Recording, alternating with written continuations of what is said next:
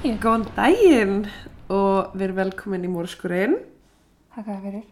Eitthvað að frétta? Þetta er alveg afskaplega gamalt grín hjá okkur. Takk. Velkomin í mólskurinn. Takk. Herrlei, ekkert fyrir þetta. Langt máldag. Þú ert út um allt. Eh, ég var í COVID-test í dag þannig að ég er ofbáslega kvefið. Þetta er einn mesti viðbjörn sem ég hef gert. Uh, Teg það fram, ég var ekki í COVID-testi að ég er með enginni og sitt hér hliðina á Jóhannu. Ég, ég er að fara til útlanda. uh, að því enginn spurði. Ok. Um, í dag ætla ég að vera með þó nokkuð langt mál þannig að ég held ég ætti bara að byrja þetta Ég held það líka. Já um, Ég ætla sérst að fjalla um málið hennar Phoebe Handsjök Sko, þetta er skrifa handsjúk en Handsjúk. allir í útlöndum segja handsjök Handsjúk. þannig ég segi það sama Já. að ég er í útlöndum Já. á miðvikudaginn Já. í dag Vá uh, En já, ég ætla að byrja að taka fram þetta er dulfylgdæði Mm. um, og það er vegna þess að þetta var upprunalega og eiginlega endanlega uh, talið vera sjálfsmálð þannig að hafi það bara í huga í gegnum allt sem ég segi en já uh, hún Phoebe Handsjök þetta er eina skipti sem ég segi Handsjök Já, já. Hún fættist þann 9. mæ árið 1986 í Melbourne í Ástralíu. Fóreldrar hennar voru Len og Natalie og hún átti einnig tvo bræður, Tom og Nikolai. Hún var hugmyndarík, hún elskaði að skapa hluti, var listræn, hún skrifaði dagbækur, hún teiknaði og málaði, bara var rosalega mikil dundari. Já. Bara mjög svona arti Týpa. Hún átti marga góða vini, var vinsal í skólanum, spilaði körfubolta og var með mikið keppniskap og var bara að tala um vera góð, góð í íþróttum. Um, það er til dæmis tala um það að hún, hérna, hún var með svo sterkar réttlæðiskend Mm. að þegar hún var að spila ef einhver braut á henni Já. að það kom hún tíu sinni tilbaka Já, gott hjá henni. og fólk alveg, ok, akkur gerur þetta ekki alltaf hún bara eitthvað, þú veist, að því að þú brýtur á mér þá kemur tilbaka skilur ef ekki þá óttu það ekki skilið. Hún naut þess einnig að vera í klættaklifri uh, færi fjallgöngur, karate, kickbox hún var bara mjög aktiv típa Já. hún var í mjög góði formi. Eins og þú og ég. já, nákvæmlega eins og þú og ég. Allt bara við lífina verðist vera fullkomið, vinsæl stelpa elsku öllum, átti gott líf er samt ekki alltaf svo auðvelt að því að hún var sagt, uh, greind með þunglindi og hún byrjaði að nota eitulif og áfengi til þess að hjálpa henn að takast á við dælit líf Ok. en hún sérst byrjaði á þunglinslifum þegar hún var 16 ára gömul og var að taka þau svona on-off Já, ok. Fóreldrar hennar voru ekki alveg sammála því að hún myndi fara á þessi lif og voru hrættum að hún myndi einmitt gleyma að taka töflunar sínar og væri bara, veist þetta myndi bara fokka upp öllu. Já. En pappinar var sérst geðleiknir slags sálfræðingur Já. þannig að hann vissi alveg Hvað var að tala um? hann var að tala um. En hann alltaf gæti ekki tekið hann að þessi sem sjúkling og skiljanlega þegar einhver annar læknir upp og skrifar einhver lif fyrir badnið þitt sem að þér finnst kannski ekki henda badninu hennu þá ert alveg, oh, Já, þú hefur alveg skoðun að því. Já, fóreldrar hennar skildu þegar hún var táningur og hún tók því eða bara ekkert vel, bara eins og flestir taka því ekkert eitthvað mjög vel þegar fólk sinn skilja. Hún tala ekki um pappa sinni eitthvað tíma út af þessu en á endanum áttu mjög gott samband. Og þetta var alveg svona, allir þekktana á treystinni fyrir öllu. Þetta var alveg svona eins og bara mamma vinahópsins, Já. þannig séð. En Phoebe sérst byrjaði að djamma 13 ára gömul og fara út að skemmta sér og hún og vinurinnar voru komast inn á skemmstæði og klúpa með fölsu skilriki 13 ára mér langar að hitta þess að deyraverði Hvað voru við gamla að þú vorum konum skil ekki? ekki 13 ára, ég get sæti það 13 ára var ég að leika með með Barbie týna einhverja snigla í einhverju brekkum Áttundabæk. Vinurinnar muni einnig eftir að þegar þau voru að fara á djammi þá voru þau oft bara með 20 dollara alltaf 13 ára bötna ekki eitthvað mikið pening Nei. en þær veginn alltaf heim blindfullar Mm. og Phoebe alltaf með fíknefni á sér sem hún hafði það bara fengið frá mismunandi gæjum á djamminu Ok. en það var bara eitthvað við hana þú veist, hún var ótrúlega falleg svona náttúruleg Mm. og en alltaf 13 ára skilur en þú veist já, og í rauninu var bara að tala um að það var eitthvað við farinnar sem að fólk bara fannst vera Heillaðist eitthvað já, fólk fannst það bara vera eitthvað dölufullt og vildi vita meira Mm. Mamma vissi vel hvernig hún var þegar að koma strákum og hún heitlaðist eiginlega mest af eldri mönnum. En ömmunar fannst hún vera eiginlega bara svona leita að ákveðni viðkenningu, leita einhverju í eldri mönnum sérst, til að viðkenna sjálfa sig. já, einmitt. Um, það var einni bara ákveðið svona pattern í fjölskyldunni að, og þau voru á einhverju tímabil að spá í, sérst, hvort það geti verið DNA þeirra Uh. að, að þær heitlast allar sérst Já. Að eldri mönnum ok þú veist, ok, ég er ekki mentuð en ég get bara sagt ykkur að hér nú nei, það er ekki DNA þið, sko. En það var sérst að því að mamminar og pappinar, pappina var sérst 14, ár- 14 árum eldri mamminar Já, ok.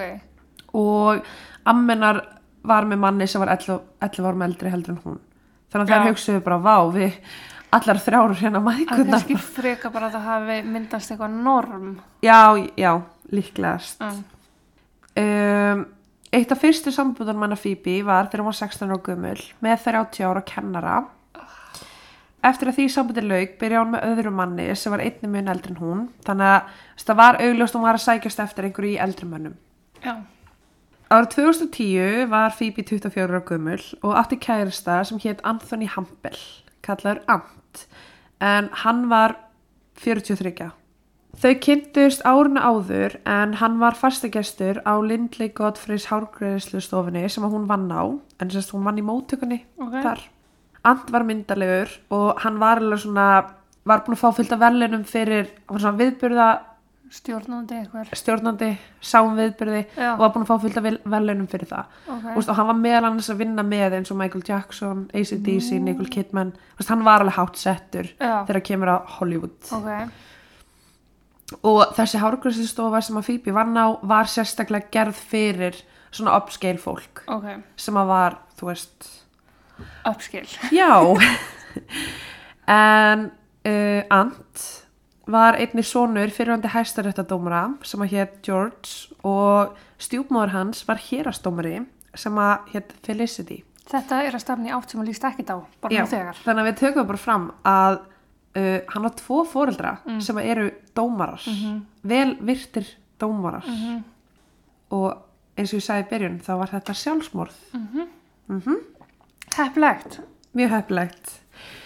Þrátt fyrir stutt samband þá flutt hún inn til Ants sem maður bjó í mjög fínni íbúð tóltuhæð þetta er sagt bara svona luxury apartment dæmi og þar er til dæmis öryggisgæsla, það er fólk sem vinnur á 24-7 við að Já. vakta húsið þú þarf sérstaklega likla til að komast inn til að komast í liftuna Já. þú veist þetta er eiginlega bara svona eins og að í Beverly Hills það kemst enginn að Nei. þessu eftir hún flutti inn með honum byrja hann að borga leigu en hann var sérst með ákveðin skilirði fyrir hana þau voru sérst mjög ólík en Phoebe elskaði rými fyllt af litum og dóti þú veist, hún var svona safnari bara Mm.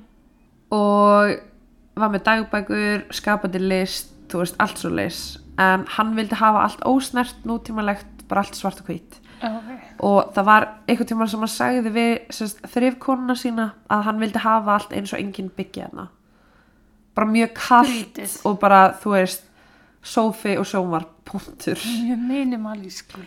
já, og getur hvernig íbúin þeirra leit út Svo leis. já, Sjálfsögðu. Þannig að hún fekk eiginlega engum það ráðið Nei. það var eitt af þessum skilurðum að hún, fengi ætti bara ekki að skoðun á heimilinu. já, hún fekk ekki að skoðana heimilu hún er bara að flytja inn til hans Mm. og borga honum leigu og hann, þetta er hans þannig séð Helbriðt. Já, ég finnst þetta rosalega heilbreytt. Það voru því engin ummerkjum hún hafi búið þarna, annað en myndir af henni með Ant. Uh, hún var reglulega hjá sálfræðingi, en náttúrulega bara, ok, Ant var ekkit eitthvað best í bænum. Nei. Uh, hann leta hana reglulega líða eins og hún var heimsk og dró hana svolítið mikið niður. Svona eins og hann væri herra settari heldur en hún. Já, bara andlegt óbeldi.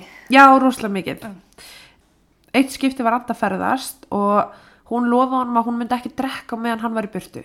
Sest, hann fílaði ekki að hún væri að fá sér í glas þegar hann er ekki heima. En hún braut það og þau endið á því að rífast í gegnum Skype.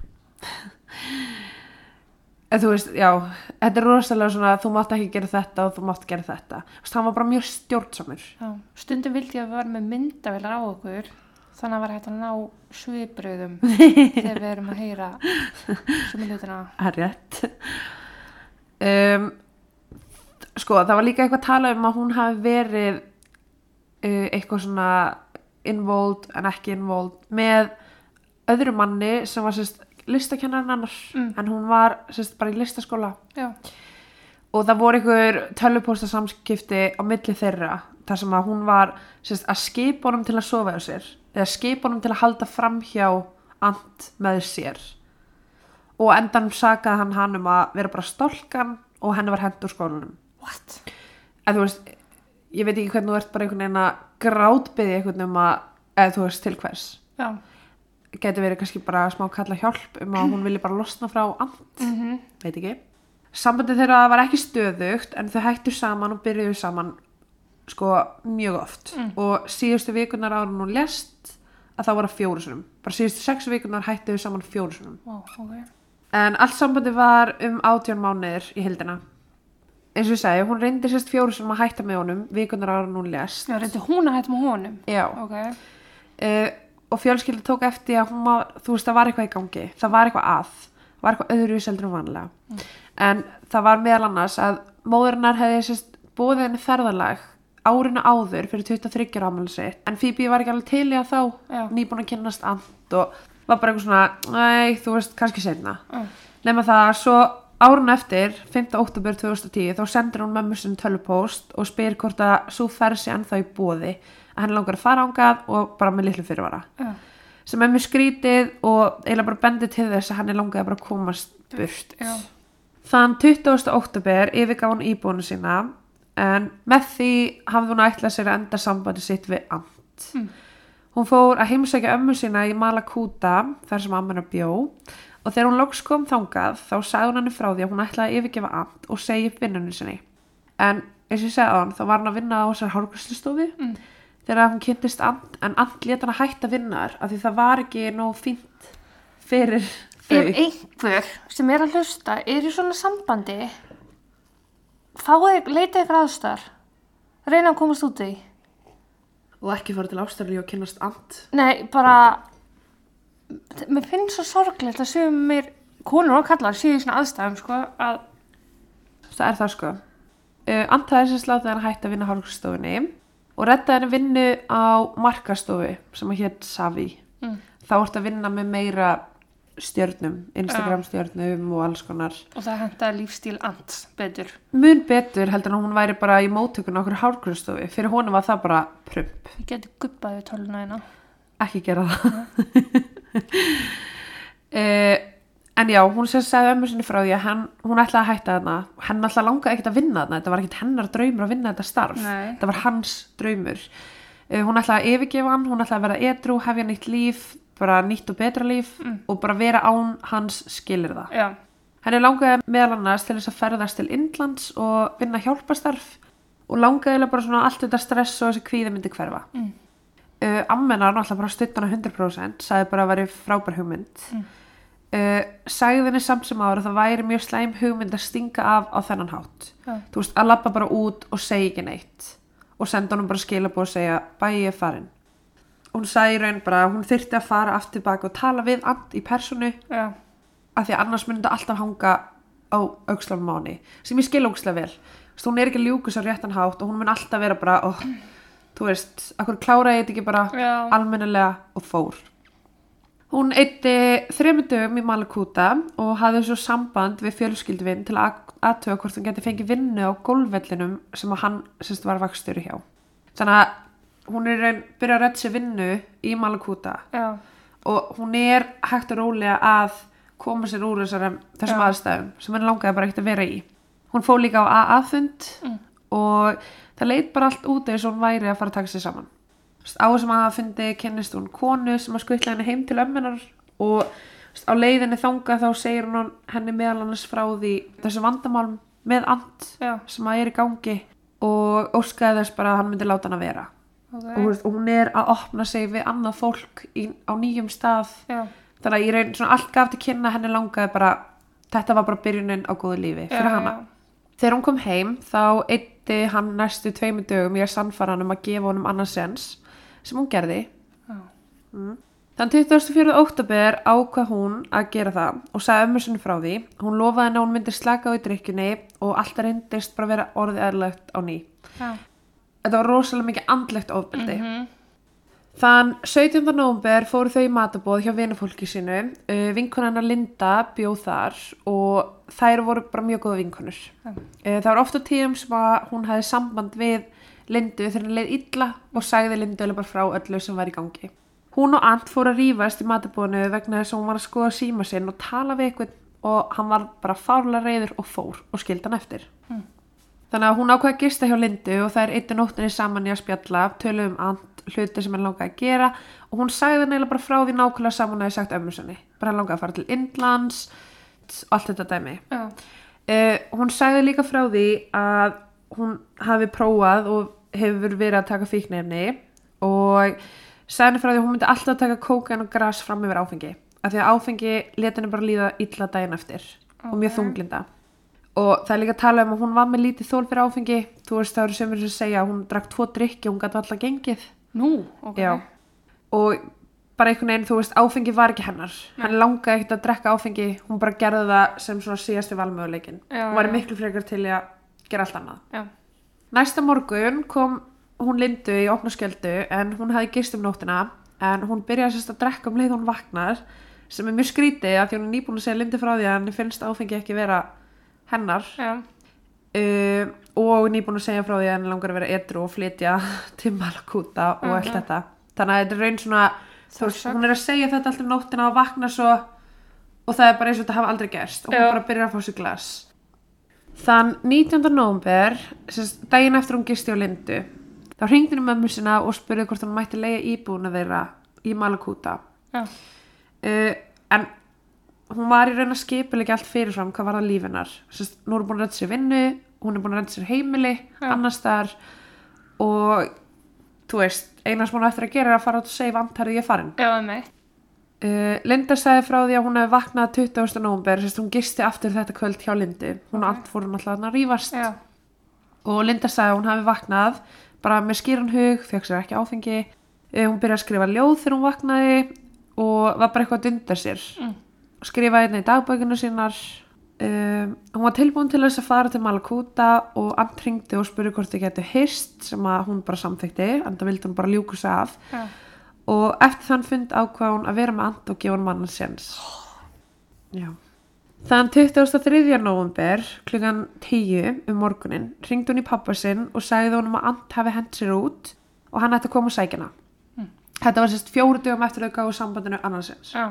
Ant var nýbúin að grátbyggja hann um náttúrulega um að vera með sér og svo hendur hann henni út Já. fjóru dögum síðar, ok. Pappi hennar beilar náttúrulega bara öllum plönum, kemur og sækir hana og hún stóð bara fyrir utan með hlutinu sinna býð eftir honum og fór svo með honum heim, þar sem hann bjó með tóm bróðurinnar. Já. Phoebe var þar í þrjár nætur en þann 25. november hitt hún Andi mat og hann grátbaði hann um að koma aftur sem hún gerði. Já.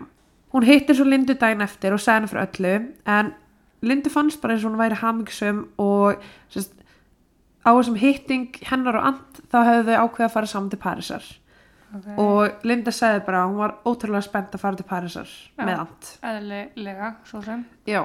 Phoebe hitti vikulega pappa sinn og borðið þau morgumat saman klukkan átta á sérst mándum. Já.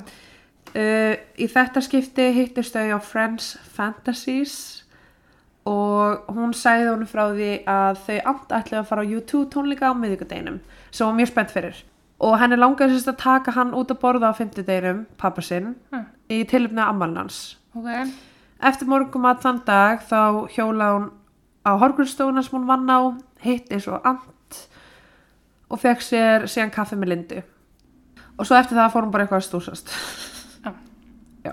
E, þegar hún kom heim þá hitt hún Erik sem að var einn af öryggismönnunum í blokkinni, er sérst íbúðinni sem við byggu Já. Og hann sagði henni frá því að það væri búið að losna pláss í hjólagemslinni en hún þóldi ekki, hún þurfti alltaf að taka þau. Sérst byggu upp á tóltu hæð. Já. hún þurfti alltaf að taka hjólið sitt með liftuna upp á tóltu hæð og aftur niður. Já. um, en sest, þegar Erik var að segja um þetta þá fannst hann eins og hún væri eitthvað off. Það væri eitthvað skrítið, hún væri eitthvað virkaði bara ekki eins hamingisum og vanlega í byggingunni er líka tekið niður öll þau skipti sem að hurður opnuð en sest, allir íbúar eiga svona fjárstæringu til að komast í gennum hliðið, í liftuna yfir bílskurinn, hjólagemsluna og það er allt skráð ok. þannig að það, það getur engin nota líkil án þess að fari sérst, í tölvukerfi hjá öryggis Já, já, já, já. gestunni þennan saman dag Phoebe kemur heim hann af hjólinu sinu um, þessi skrá sýnir að Ant kom heim þann 29. nómber kl. 3.50 en stuttu sér fóru þau Phoebe í kvöldmat með vinafólki sinu og hún hafði sérst lofa honum að hún myndi ekki drekka og ætlaði bara að fá sér sérst, ekki drekka eða sem verða blind full. Já, og hún ætlaði bara að fá sér tvö vinglös. Ok. uh, það hins vegar gerist ekki. Verðum átt okkur á því að hún er með sjúkdóm. Já, og samkvæmt þá byrjaði hún að vera aðeins og persónleg við vinafólkið og var byrjuður svona við mataborðið að segja um frá öllum vandamálunum Ó. við and ok. skilvel að það er pyrrandi Já, eða þú veist, ræðu það bara setna Já. skilur en þú veist, and fannst þetta bara ekkert heilandi, ekkert fyndið og bara eiginlega skammaði sín fyrir Já. þetta.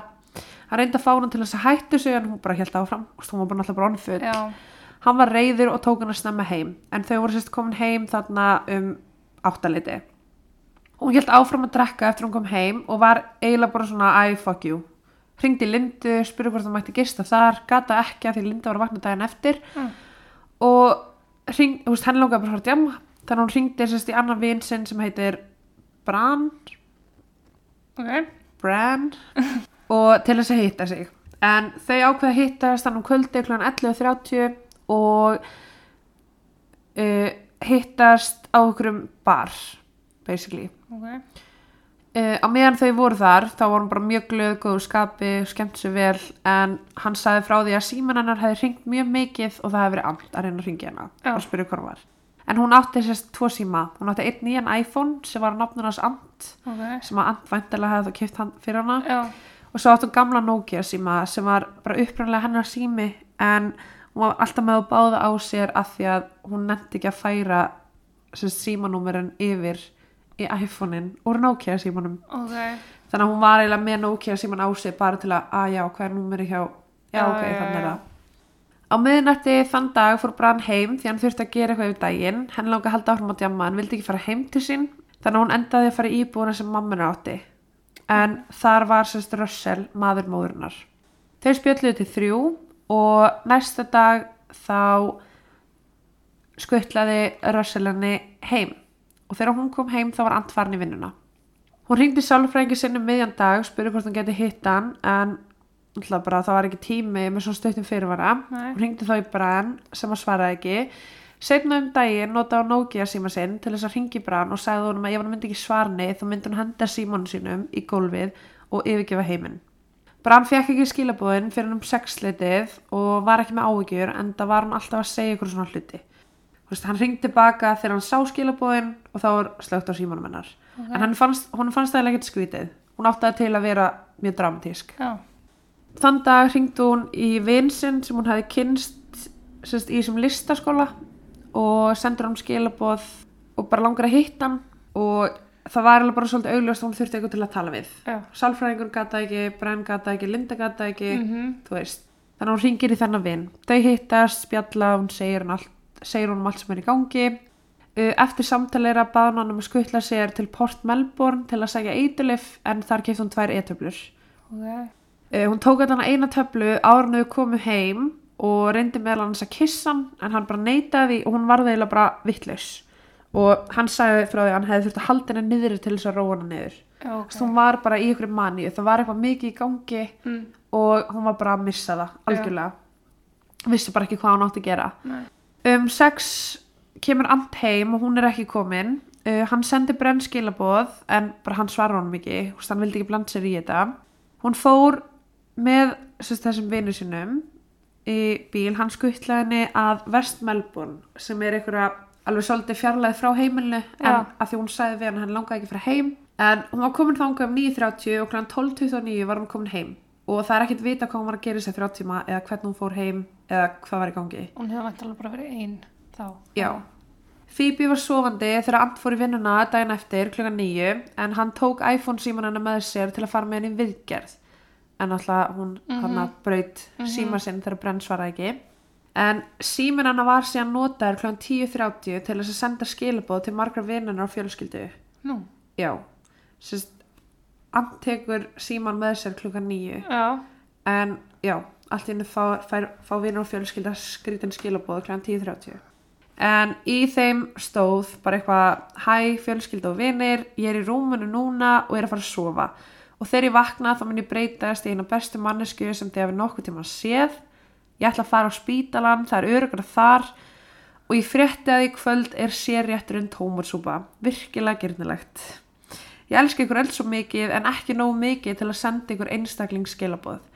Afsaki það en það er komið tími fyrir mig til að fara að sofa og ég verði að halda áfram.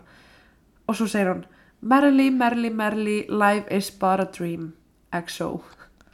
Sem er bara ógeðslega skrítin skilaboð að vera að senda fjölskyldunina og segja hann frá því að í kvöldmatinn á spítalum er tómatsúpa. já. En þú veist, þetta er bara Hún svona, var ekkert á spítala, hún var heima á sér eða ekki. jú, Já, en hún var í raun að segja að hún ætlaði sín að fara á spítalan. já, já, Sérst, spítalan að sín geðdeild. já, já. En þú veist, líka bara hvernig veist þú hver í mat eða, veist, Já. Þetta, já, en þetta er bara eitthvað what? Uh, mammenar náttúrulega bara sá þessi skilabóð og leist ekki á þetta og ringdi ömmenar bara um að aðtöfa með Phoebe um, Ammenar ringir í and um 10.35 bara 5 myndum eftir þessi skilabóð Mm. Og spurði bara hvað verið í gangi, hvort það verið alltaf góð en hann bara eitthvað, ha, ég, þú veist hvað er skilabóð ég veit ekki hvort að tala um Mm. Uh, hann sagði henni frá því að hann hafi skilað henni eftir sofandi morgunin og að hann myndi koma við heima yfir daginn og aðtjóða með hana. Ammenar sendi þá bara dóttur sér skilabóð og segi bara hei, ok, Anda ætlar að fara heim og tjekka henni, þurfum ekki að hafa neinar ágjur. Veist, hún er sofandi. Já, Og þau halda bara einhvern veginn að hún hafi verið bara blindfull kvöldin áður og sé bara, þú veist, í manju. Sé að fá þetta bara þunglins, venlega þunglinskast sem hún fær eftir, eftir hún drekkur. ok. Setna þann saman dag ringir Ant tilbaka í ömmunar og segir henni frá því að hann hafi farið heim og hún hafi verið sofandi. En hann ætla að láta hann að ringi tilbaka þegar hún vaknar. Uh, í lögregluskíslum segir hann meðal hans frá því að þegar hann fór heima heimsækjana eða aðtöfa með hana að þá hafa hann sagt að hún hafi tekið tvær svepptöflur sem voru upp og skrifar til Ant til þess að hjálpa honum að sofa í fluginu sem hann átti framöndan til Parísar. Ok, En hann hafði sérst áhyggjur af því og tók pillubóksi með sér í vinnuna. Þú veist, hann segir ekkit hvers vegna líklegast bara hættur um hún taki meira. já, já, já. Það er ekki til neitt á skrá um þessa heimsók. En eins og ég segði hann, Fjastiringin, já, þú veist, það er allt skrá. Þú kemst ekki inn í þetta hús án þess að eitthvað vita því. án þess að einhver vita því. Nema einhver opni fyrir þér, skilur mig. Já, já, Þú veist, nema þú sért svona burst in, mhm, sem er mjög ólíklegt að hann geri. já. Ef Um, hún var sofandi líka. Já, þannig að þú veist það var engar skrár á hans nafni þarna um daginn fyrir, bara þegar hann fór út og þegar hann kom heim eftir vinnu Já, sem er frekar skrítið þú veist, akkur að ljúga um að hafa farið og tjekka á henni um og ef þú ert að ljúga um það og fórst aldrei að tjekka á henni hvers vegna tókst, tókstu pillubóksitt Með með í vinnuna um morgunin já, ok. En þú veist, eins og ég sagði, þessi skrá sýnir bara að And fór út klukkan 9 morgunin og kom heim klukkan 7.33 ekkert annað. Þann dag klukkan 2.17 var hins vegar önnu manneskja sem fór íbúðuna en það var Sally Teller sem að vann við restingar heima hjá honum. Hún sagðist að var komið í hefðbunna miðugdagsþrifið og var með sinn eigin likil henni brá smá þegar hún sá að Phoebe var ennþá heima en vanlega var hún ekki heima við daginn, Aha. var bara í sinni vinnu. Hún sagðist að var þrifið allt nema svefnherbyggi því hún vildi ekki trubla hana. Á einum tímapunkti kom Phoebe út úr herbygginu í stuttarmaból og stuttbuxum lyktaði ekki eins og áfengi leit ekki út fyrir að vera full. Nei, og Sally held í raun bara hún var veik Ok. en Phoebe sagði henni að hún var bara góð og það var ekkert að. Uh, Sally sagði síðar meir lauruglunni að henni líkaði mjög vel við Phoebe og henni fannst ekki gaman að sjá hvernig and kom fram við hana ok. af því að sérst, Phoebe var eiginlega svona eina manneskjan sem kom fram við hana virðingu Já, í rauninni bara sem mannesku, ekki sem þræl Ræstingakonu, já. eftir hún þreif svefnarbyggið sérst Phoebe kemur fram, þá þrýr hún svefnarbyggið og þá fyrir Phoebe aftur inn með bara einhverja augmaska og sagði bara, hei, ég ætla að leggja mig aftur og bæjó. Já. Ant kemur svo heim kl. 7.33 uh, sangat honum þá leta hann renna í bað handinni, gaf henni nutt, eldaði mat og voru þau bara að ræða Parísaferðina sem að var framöndan. Já. Um átti það kvöld ringdi hún svo í pappa sinn, helst þú verið dán. Já. Já, ég er hérna líka. Já. Um átti það kvöld ringdi hún svo í pappa sinn og töluðu þau saman í 11 mínútur og hún sagði honum frá því að henni liði eins og hún væri bara ennþá þunn eftir gerkvöldi og bara allt sé að hugsa um hann að liði bara vel. Ok. Pappina vildi ekkert vera að spura hann út í þessi skilaboð Nei. af því að, þú veist, hún var bara eitthvað á sér. Já. Hann bara eitthvað, herðu ok, ég er að tala við núna, farið bara að sofa, skilja. Þannig að það var enginn Sjáum búin að ganga á hana með þessi skilabóð. Nei, Nei. nei. Uh, þann annan desember, sem er semst, 50 dagurinn sem að hún er að fara í mat með pappa sinni. Já. Þá fór Ant í vinnuna klukkan 8.30 en byrjaði á mætiræktina. Um 9.45 sendi Phoebe tölvupósta og notaði tölvuna sína nokkur sinnum. Mm. Ok, þú veist, ég skil ekki að hún er ekki í vinnunni sinni. Um, kannski er hún bara einhverju andlu veikindafríi, Já. ég veit það ekki. En hún sendir þessa tölvupósta og notaði tölvuna sína. Klukkan 11.43 fór sérst, reikskinnirinn í blokkin á stað og það eru til myndbarsuptökur af henni og hundunum þeirra að fara út úr íbúðinni. Sérst, það var bara, húsið var bara tæmt. Já. Hún fer síðan aftur inn í íbúðina kl. 11.50. Ant kemur heim kl. 6 og notaði fjárstæringuna til þess að opna hliðið. Mm. Hann sagði síðar að hann myndi ekki hvort að hurðin inn til þeirra hafi verið opin eða ekki, sérst læst eða ólæst.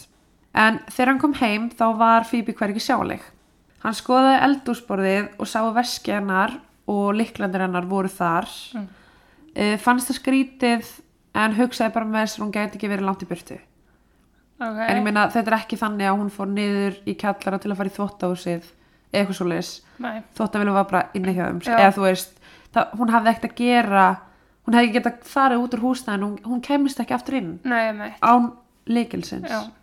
Um, það voru einnig nokkri post-it miðar um íbúðuna með svona skrýttum setningum á Mm. en hann sagði að þetta væri eitthvað sem hún væri vön að gera þegar hún væri full. Ok. Þú veist, hún er bara svona listina típa og er að skrifa ljóð á okkur post-it mið og hengja hér og þar. Mm. Hann fór hann í svefnarbyggið og fann skrýni á rúminu en það var mynd af honum, myndir af henni, uh, kettinum þeirra sem er óslega skrýta því þau á hund. En það, það var samt their cat. Ok. Af dýrunu þeirra. já, what? Random miðar, bara eitthvað dæmi. Uh, hann sagði einnig frá því að það hefði verið vútudúka uh, ofan í. Já. og það hefði verið sérst, bara kert út um allt inn í svefnherbygginu og sletti á hennar var í sambandi á gólfinu. Þannig að það var bæði eins og hún væri gerst til fyrir eitthvað og eins og hún væri bara að mis, Einhverja firma- serimóníu, já, eins og væri bara með eitthvað serimóníu með kerti og vútudúku og mynd af amt Uh, klukkan 6.51 tæpum 40 mínútum eftir hann kemur heim þá ringir fadir hennar í síman hennar Phoebe og Ant svarar. Mm. Ant sagði hins vegar síðar í laurugluskíslum að hann hafi verið með ósvara símtal frá honum og ringt í hann tilbaka úr sínum eigin síma. Sist, ekki það skipti ykkur máli en það skipti máli að því leitum til að Ant er að svara í síman hennar. Já. þannig sem því að hún var þá ekki með síman sinn á sér. Og, en hann vil meina hann hafi ringt í pappan úr sínum eigin síma. Ég veist þetta er bara svona akkur, akkurat að ljúga því. Eða skilur þið þú veist og pappinar er með sérst bara yfirlit yfir hér ringdi ég og hér svaraði. Já. þú veist þannig að af hverju ertu þú veist uh, myndur ekki hvað gerðist eða til hvað sért að breyta Já, já. þú veist bara þegiðu bara. Já. Uh, allavega hvernig sem þeir töluðu saman þá hringdan, uh, töluðu þeir saman sérst í síman og þau eru náttúrulega ætla sér að fara til borða í tilmynd dagsins. Uh, hann var að ringja til þess að spyrja hvenar þau ætti að hittast og Ant segir hann frá því að Phoebe sé ekki heima veskjarnar og liklar eru þarna svo hún hefur örgulega bara rétt skroppið og kemur tilbaka. Uh, pappina var náttúrulega bara hvað meinar þau, Mm. er hún ekki þarna? Um, hún fannst það mjög skrítið að hún væri ekki heima og var bara eitthvað hei ok um, viltu ekki tilkynna hann að týnda Já, því að ástandi sem hún var í náttúrulega dánu. já, þú veist bara þetta er ekki eðlilegt og ég hef bara miklar ágjör Já. og Ant segir strax bara nei, þú veist, lögreglan mun ekki hlusta á mig fyrir en eftir að 48 tímar eru liðnir Mm. sem er alveg satt en Það er samt að hlæja að hafa samband við lögreglu. já, þú veist, hafðu samt allan að verður fyrirbræði til að hafa samband Já. pappina ringi þá í Tom bróðir á er alveg, hei, ertu líka að ringi ykkur að vinna ykkar sem að gæti mögulega að vita hvar Phoebe er. Já. þú veist, mér langar bara að vita akkur hún er ekki heima, þú veist, við erum að fara að hittast á eftir. Og hún er ekki típan til að beila fjölskyldunni. Nei, fjölskyldan var bara nummer eitt og ef það var eitthvað svona í gangi já, þá var hann alltaf fyrst til að mæta svæðið. Ok. Tom, bróðurnar, ringdi í móður þeirra og hún hefði heldur ekkert heyrt. Þannig að móðurnar ringdi í Bran Já, og hann sagðist ekki að fara síðan að síðan á mándeginum þegar þau voru að drekka saman og ekkert meir. Um, þú veist, það leiti eða bara út eins og hún væri bara okkur um bendir. Hún væri bara, hefði bara farið og drukkið og sé bara eitthvað starf hún átti sérst alveg tölur að sögu um það, til að vera alveg skýr.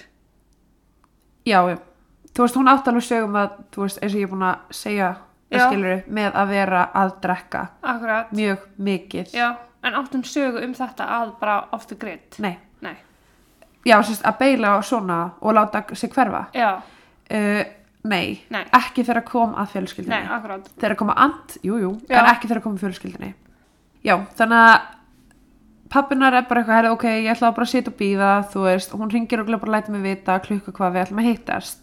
Uh, á þeim tíma er stuttu eftir þá sem sagt, uh, þau hefðu planað að fara á Golden Triangle veitingastæðin Já. sem er bara eitthvað svo mjög fýtt veitingastæður í svæðinu en á þeim tíma þá ringdi Ant í Golden Triangle og pantaði sér takeaway fyrir einn. Nú, já. Uh, bara, ha, þú ert á leiðinni með kæristunniðinni út að borða Já. á þessum stað í tilefna ammali pappa uh hennar.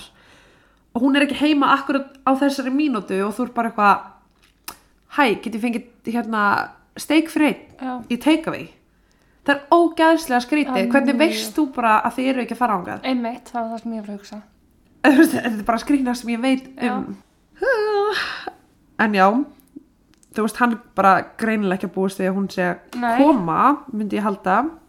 Stutt eftir kljóðan átta opnar hann fyrir stráknum sem var að koma með heimsendingamatinn. Strákurinn spyr hvað sé í gangi blokkinni og allt kemur á fjöllum var alveg kominari Ah, og hann sagði frá því að það var margir lauruglubílar á staðnum umhverfis húsið. Ok, uh, þann sama dag um fjöguleitið er Beth semst að mæta í vinnuna hérna og taka við af Erik. Að Beth og Erik eru bæða að vinna sem Eriksverðir í þessari blokk. Ok, uh, Beth er að mæta til að taka við af Erik Já. sem því að Erik er að fara heim. Uh, hann er með henni í tæpa klukktíma þannig að um 5.30 að þá er sem sagt hann er að kenna henni hvernig allt virkar hann er að sína henni með þetta og ber hann að, sem sagt, um að fara í ruslagemsluna í húsinu. Uh, þetta er mjög ríkt svæði. Eru, veist, það er bara ríkt fólk sem býr á þetta er mjög fancy og til dæmis er ruslagemslan mjög tæknivætt ok, en það er sérst þannig að á hverri hæð fyrir sig er ruslakompa já, og það er bara svona op uh, sem er svona ruslarenna sem Já. þú opnar, setur ruslið í og lokar ok, um, en í, þetta er ekki svona eins og hefðbundin ruslarenna ég veit ekki hvað ég er að útskynna svona mikið en þetta er ekki hefðbundin ruslarenna heldur þetta er sérst, inn í rennunni sjálfri Já. eru þú veist hnífar og það eru pressur sérst, þannig að rusli kom ekki bara út og detti niður Ok. það er choppað í bita í rennunni. Já, þetta er ekki stefni mjög góð átt og það er pressað saman Já, þú veist, þannig að þetta er bara eins og ég segi, það er ekki með eitthvað fokkin ruslavél heima á sér nema þú býrð þannig allavega til að koma sér frá mér. Uh, Beth sagði sérst, bara frá því, hann er líka aldrei líkt á ruslagemslinni og það var bara staður sem hann langaði ekki að fara á. Já, þú veist, E- hver vill fara já. þangað? Hún fór þangað að opnaði hurðina sem var læst. Hurðinana er alltaf læst og þú kemst ekki inn nema með likli ok, Hún reyndi að opna en það var eitthvað í vegi. Uh, hún ítti mig fast með öxlanum og svona þegar hún opnar hurðina smá þá kveikna ljós sjálfkrafa. já, Það var mjög bjartan inni, ruslafatan var á hlið og það var rusl allstaðar.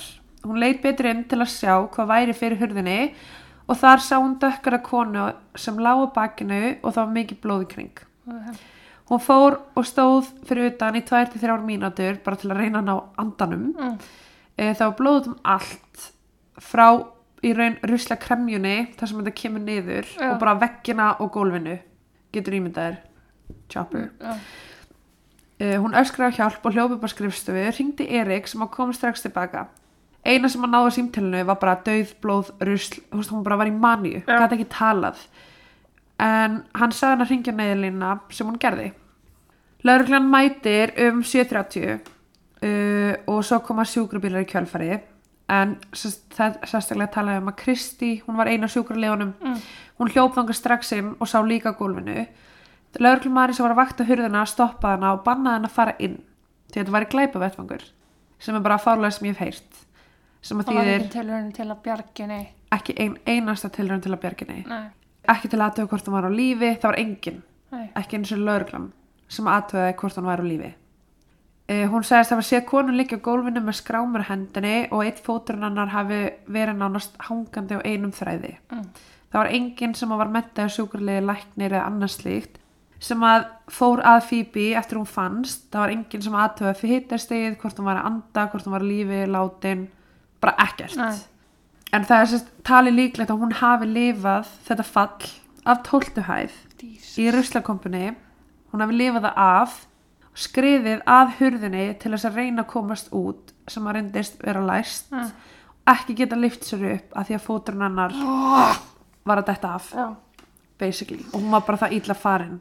Þannig að hvernig gáttu þeir bara vita það að hún væri látin ef hún var mögulega á lífi einhver tíma eftir hún datt Akkurat. fallið Já. af því þú dettur ekki hér og endar hér Var Ant bara upp í íbúð þegar þetta var að gerast, eða? nei, sko með laurugluna eða með hana Með hana, sko með þegar hana hún finnst.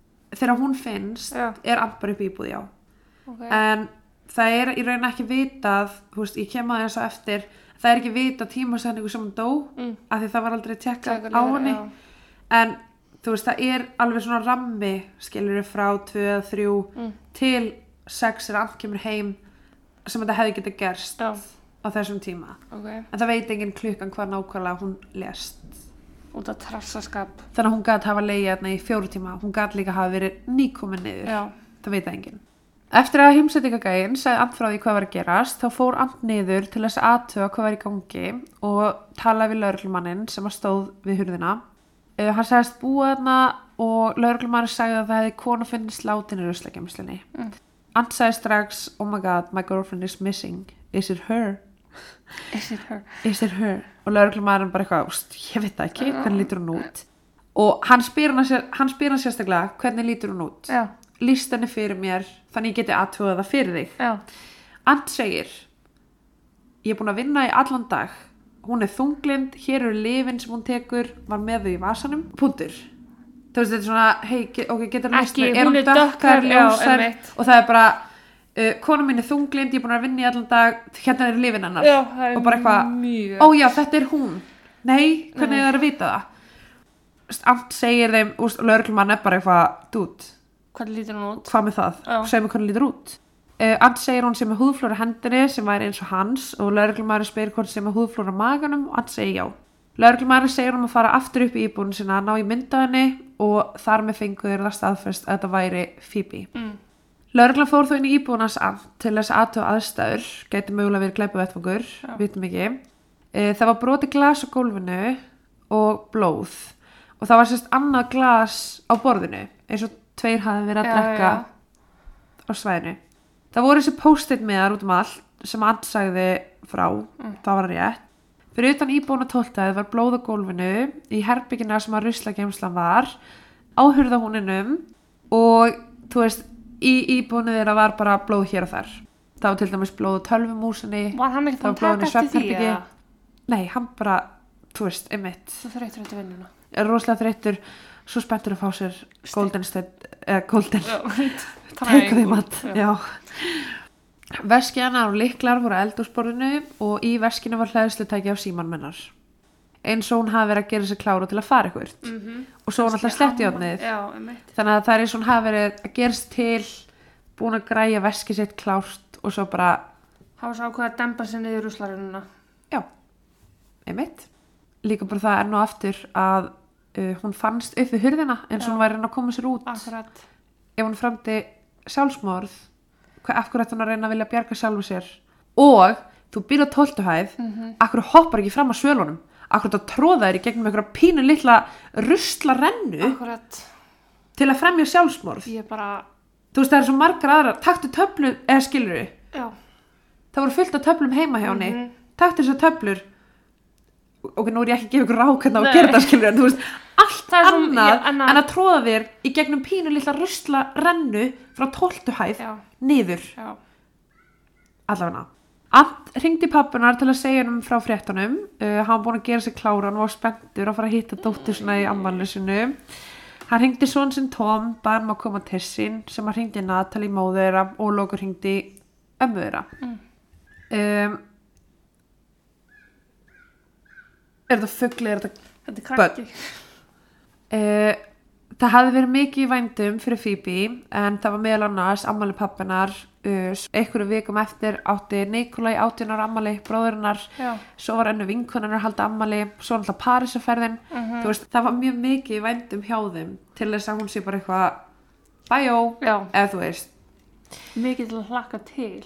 já, ég myndi segja það uh, tíum kvöldið sérst, þennan dag sem hún finnst þá mætir tæknideildin á svæðið ásamt bara rannsóknar lögreglunni líki var á gólfinu og uh, það fyrsta sem við tóku eftir er bara þetta sár eða sérst að fóturinn hjekk frá nýja Já. séð, og bara á einum þræði. Uh, einni voru sólglerun hennar á gólfinu rétt hjá henni og hún var alltaf með þau þegar hún fór út. Já, af hverju ætti hún að taka með sér sólgleru Já. til að fara í gegnum dökka ruslarennu til að fremja sjálfsmorð ef ég bara spyr Já. kannski var hún að fara eitthvað annað var á leiðinni og einhver greipana eða eitthvað Já. þú veist veit ekki en það var bara allt bendi til þess að hún væri á leiðinni út Mhm. úr húsi að hitta pappa sinn út frá blóðinu sem að fannst í ruslakompin á 12. hæð þá talið um að hún hafi farið þar Mm. inn og niður af því að það var alltaf bara blóðið í kompni Já. vá um, en já, eins og ég sagði áðan þá var þetta tæknavætt dæmi Mhm. um, í rannunni voru vélar sem að pressu rusli saman og sérst nývar eða bara blöð Já. sem að skáru það það voru tvær stillingar á því kerfi sem var manual og automatic Ok. um, þegar það er sett á automatic þá er í raun allt sem að kemur niður skorið í Ég, já. Ef þetta er bara hérna Mhm. þú veist, til að gera rusli minna og aðgengilegra og auðvildara og þetta er örugglega fokkin dýrt og þetta er örugglega bara því að þau hafa peninga Mhm. ándjóks um, ef það eru manual þá gerist það ekki og þá er ofta sett á manual ef eitthvað festist til að segja þetta stjórna því hvað er pressað og hvað ekki Mhm. um, myndir voru teknar á vettfangi bara þegar líki fannst og var vélinn þá stilt á automatic Ok. sem því að allt sem kemur niður er skorið og pressað Já.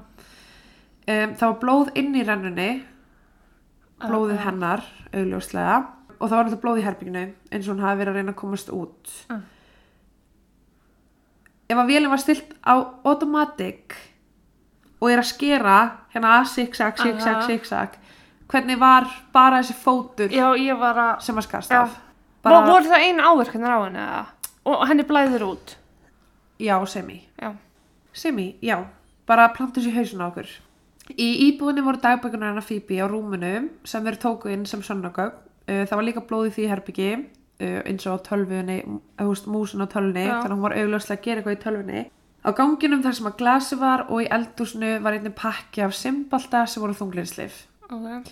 Uh, það var einnig talað um að það vantaði sem sagt eitthvað part af glasinu sem brotnaði og þar að leiðandi kemur ú- upp svo kenning meðal annars síðan meir að hún hafi verið að fara með helming glersins Ah, í ruslakompuna og þar hefði þetta gerst. Ok. já, þú veist, bara segja ykkur á núna skilur en, akkur eftir ekki taka allt glirið, nei, bara spyr. Allavega, en það var sérst ekki neitt póki það var ekki neinstar inn í íbúðinni sem að glirið fannst. Ok. náttúrulega lögreglan fyrir hann inn og tekur myndir af öllu og það er ekki ne til nein mynd af þessu skríni sem antala um þessi vútudúka og allt þetta drasl það er bara ekki til neitt á mynd um það Mm. sem er mjög spegas af hverju er hann að ljúga með það er hann að að láta lítið út, út eins og hún hafi bara hata hann von, Já. væri bara eitthvað skrítin eða eitthvað, hvað er meiningin með því að ljúga um það að hún hafi verið með vútudúku heima á sér Akkurat. fatta það ekki á þessum tíma var ekki búið að loka vettvagnum af eða sérst íbúinu þeirra hver sem er gætt komið inn og farið það var ekki verið að passa upp á neinn sönnagögn og meðal annars voru fóldra hans og vinir mættir heim til þeirra á meðan lauruglan var að leita í húsinu basically löpuðu bara inn Nú, ok. þannig að með lauruglan heima þér að leita og bara vinir og fjölskyldir og mætt Hangandi yfir. já, um 2.45 sérst daginn eftir Mm. var líkið skoða betur og uh, þá kom í ljós að, sem sagt, buksundar hennar voru alla leið niður á njám það var sérst eins og væri búið að gera það niður um hana niður á njám, þú veist þar voru frá njá og ökla, Já. þar á milli. En hún var samt í nærbuksum og hún var í brjóstaldra, bara mennilega Ok. um, og náttúrulega eins og ég segi hægri fóturinn var bókstælega frá nýja bara hjekk á einum þræði. Já. Þegar líkið var tekið á spítalan og hún úrskuð látin kl. 4.30 á förstu deinum þannig 3. desper tæpi nýju hálfum tíma eftir hún fannst What? tekin voru fingruför á 12. hæð í ruslagemslunni íbúðunans ant uh, á ruslahurðinni hana að, að renninni Já. Uh, það var eitthvað stálringur utan um opið þar sem að rusli fer Já. þar var leitað að fingraförum og veggjum það fannst ekki eitt einasta fingrafar Nú, sem meikar bara engan sens ekki fyrir heila hæða fólki. nei og ef að hún fór og fram til sjálfsmorð hvernig getur, hennar fingraförðar. ég veist hvað labba hún og opnaði hurðina að ruslagemslinni og þurrkaði eftir sig og fór svo áður hún létt sér detta var hún þá hérna að. Þess- þetta, þetta meikar ekki sens en það voru sérst bara engin fingraför Mm. ef hún hefði farið þetta sjálf það hefði verið 100% hefði verið fingraför Já. Uh, annars sem mjög skrítið er að lauruglunni tókst ekki að fá myndbassupptökur frá sagt, þessum degi. Nú, já. Þeir þurftu náttúrulega bara að fá það strax og það er reyna ekkert sagt hvers vegna. Næ. en mér finnst mjög líklegt að að því að þeir voru bara of lengi að sækjast eftir Já. en þeir gáta ekki fengið sérst, þeir fengu það til myndbars upptökur af henni frá þessum degi þegar hún hleypur út uh, þegar reikskinn er fyrir gang með hundir sinn Ok. um, svo eru til myndbars upptökur svona partur af upptökum meðal annars er einn maður sem að er uh, verið að skoða hver er og eitthvað Mm. en myndbars upptökuna sem þeir hefðu þurft í Já. raun sérst, frá lyftunni eða aður ruslagemslinni eða íbúðar eitthvað ekki til Horfið. já, það er bara ekki til cannot find it það var líka bara því að það var liðið svo, eða, það var líka liðið mjög langt frá því að þeir byrjuðu að rannsaka þetta og gera eitthvað í málinu þeir voru mjög sló Mm. það var bara einhvern veginn eins og ekkert Maður hefði haldið að löggan myndi mæta svæði og bara hefði, við þurfum allar myndbandsupptökur úr húsinu frá því í gær þá Já. núna. það, það hefði verið hefði verið að sniða Já. það er líka bara alltaf að tala um þú veist að fyrstu 48 tímanir eru Krús. mikilvægastir og þetta var alveg þremur fjóru dögum eftir Já. sem að þau er að gera eitthvað Mm. Nægu tími fyrir fólk að baltúsa eitthvað í þessu. Já, það var líka svo að lauruglan tók til dæmis ekki eh, tók ekki skýrslu af Erik sem var öryggismærin í húsinu Já. húsinu, húsinu fyrir enn 10. janúar 2012 Sest, meira en ári Vá. eftir að þetta gerist Eftir áramót. Þetta gerist í desember. Já, og sérst 2012. 2012 Vá. Já Uh, og það voru líka einhverju mánuðir sem liðu þar til að lauruglan tók yfirheyslu af starfsfólkinu á samt, þú veist, hann var með þrið fólk og fólk sem vann með honum. Þú veist, bara til að staðfesta hvar hann hefði verið hvort einhver geti fjárvæstasörnina hans var vinnan til dæmis eins og það Já. það liði bara eiginlega margir mánuðir þar til að lauruglan var bara eitthvað herði já, uh, Ant var hann að vinna með þér þú veist, fyrir ári, skilur Ég get ekki sagt hvað ég gerði allan daginn. ég er að segja það, áður, sko. þeir voru ekki svo að spá í því þú veist, það var til dæmis einn hérna uh, starfsmæður sem að var að vinna með honum sem að var talað við fjórum mánuðum síðar og tveir aðrir 11 mánuðum síðar Sem gerir bara ekkert gagn. gerir ekki raskat gerir ekki raskat fjölskyldan hennar Phoebe var bóðið á líkhúsi til að auðkjanna hana Já. þau reyndu að fá hann til að koma með sér en mamman sagði að hann væri bara að reyna að kvíla sig og væri bara alltaf leiður til þess að koma með og sjá hana þegar þau komið þangað voru þau tekin inn í herbyggi og krupningalæknirinn tilkynnti þeim að hann ætlaði að krifja hana Mm.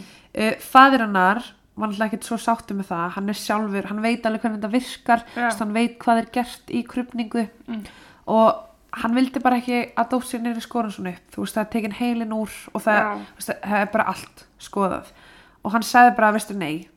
Þú veist, mér langar ekki að láta krifja dóttir mína. Ég vil ekki að hún liggi þarna ein og alin og þau séu bara að skera hana í bita skilur sem er alveg skiljalegt þú veist, hann er bara að hugsa hann er að hugsa tilfinningu hliðina. Hann er Já. ekki að hugsa, þú veist, hina hliðina bara herði, ok, við verðum að fá að vita hvað gerðist. En á þeim tíma var hann tjáða að lögreglan væri sérst að óska eftir þessu, Já. fá krupningu og að and væri nánasta ættingi þetta væri því hans val mm. voru þau gift eða nei en and var sérst búin að útbúa þannig skjál að hann væri skráður nánasta ættingi og tæki því allar ákvarðanir sem að tengdust Phoebe fram yfir fóreldrannar var það skjál nýlegt eða bara frá upphafi þau, já, þau voru náttúrulega búin að saman í átjármáni Já. en það var ekkit eitthvað það gamalt Nei. sem er mjög spes þú veist hvernig hann er bara sole benefit Já. af öllu sem að tengist henni. Í rauninni þetta er bara eins og skrási í sambúð. Sem sagt já, já, þú veist eins og í Íslandi er þetta eins og að gifta þig. Þá erfir hinn manneskjan allt. Mm þú veist, ef þú skráði í sambúð þá eru einhverja reglur. En ef þú ert ekki skráður þá er bara svo sorry. So sorry en hann sérst, gerði það verkum að þau væru sérst, skráði sambúð Mm. sem er þeirra í rauninni innsiklun á að hann er því það nánasti ætningi Ok. og let útbúa skjál fyrir það þannig að hann í raun fekk að ráða hvort að hún eru kröfðið ekki Mm. og hann lefði það að kröfja Sko ég er ekkert mótfallin krupningu, ég skil það búða vel. í rauninni er þetta bara syrgjandi faðir Já. og það er verið að taka heilan það er verið að taka hjarta þú ert að Já. taka allt, öll líffæri úr barninu innu, skilur þú, Aha. æ þú veist, e- þetta er bara fyrir honum var þetta bara mjög tilfinningaríkt næsta skref var mjög erfitt en það var að auðkenna hana. Og þegar það er gert þá er ekki búið að gera neitt við hana. Það er ekki búið að þrýfa hann andlið, það er ekki búið að taka blóðið það er ekki búið að gera hana. já, það er ekki búið að gera neitt. Hún er bara nákvæmlega eins og hún var þegar hún mætti þangað. Svo er bara, er þetta hún? Já en nei, lokað. God. Uh, buksun hennar voru þarna drukni í blóði. Þegar hún fannst þá voru þær dregna niður fyrir Já, krupningin tók rétt tæpa þrjá tíma og það var allt ekki upp og allt myndað. Áverkarna voru mestir á neðri hluta líkamann sem gaf til kynna að hún hafi farið niður ruslarhennuna með fætundar á undan og lent á þeim. Hún var með skrámur höndum og blóðurásinn var sérst, í sundur. Já, blóður sem að rann niður að fæti. Hún var sérst má ég aðstöða með þetta. já, Slagaðinn var í sundur. slagæðin var í sundur. Já. Uh, en það var sérst bara að tala um að í hver skipti sem að hjarta sló Já, þá spýttist, Já. þá pumpast blóð þannig að hún í raun var að missa mjög mikið af blóði. Hún var einnig með mar á heilanum og blæðingu inn á heila. Mm. en læknirinn sagði að það geti gerst þegar heilin er fjarlæður í krupningu ah, Hún lést ekki samstundis við fallið heldur blættin út. Uh, hún var með mikið af brotnum beinum en það var ekkert sem bendi til þess að hún hafi verið kyrt eða það hefði verið kynferðisbrot sem er átt sér stað. Hvað er 12 hæða fall sér mikið í metrum? Það er verið að tala um þessu 40 metrar. Vá, 36 til 40 metrar. shit. Já. Ég meina hún lifði það af. Ég Ekki er það, bara að hugsa að þú svalitir hérna, þetta eru þú veist 2-3 metrar. já, ég er að hugsa um Tömlu Hosford Já. sem að lést eftir þrjá metra. Nákvæmlega.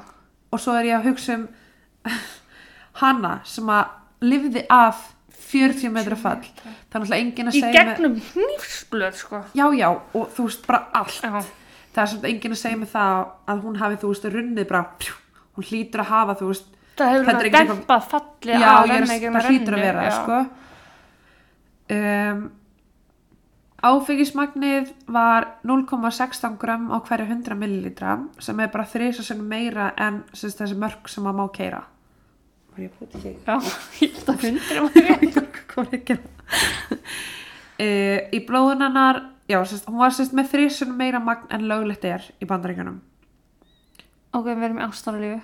í ástæðlega Já. Í blóðunarnar var einni solpidem sem var stilnox eða bara söptöflur það var einni skrifað í skýsluna bara fólk sem að tekur þessu töflu samlega áfengi þá til að vera slógilegt mhm, um, og að geta fengið aukaverkanir til dæmis eins og uh, að fólk er að fá sér að borða þegar það er sofandi.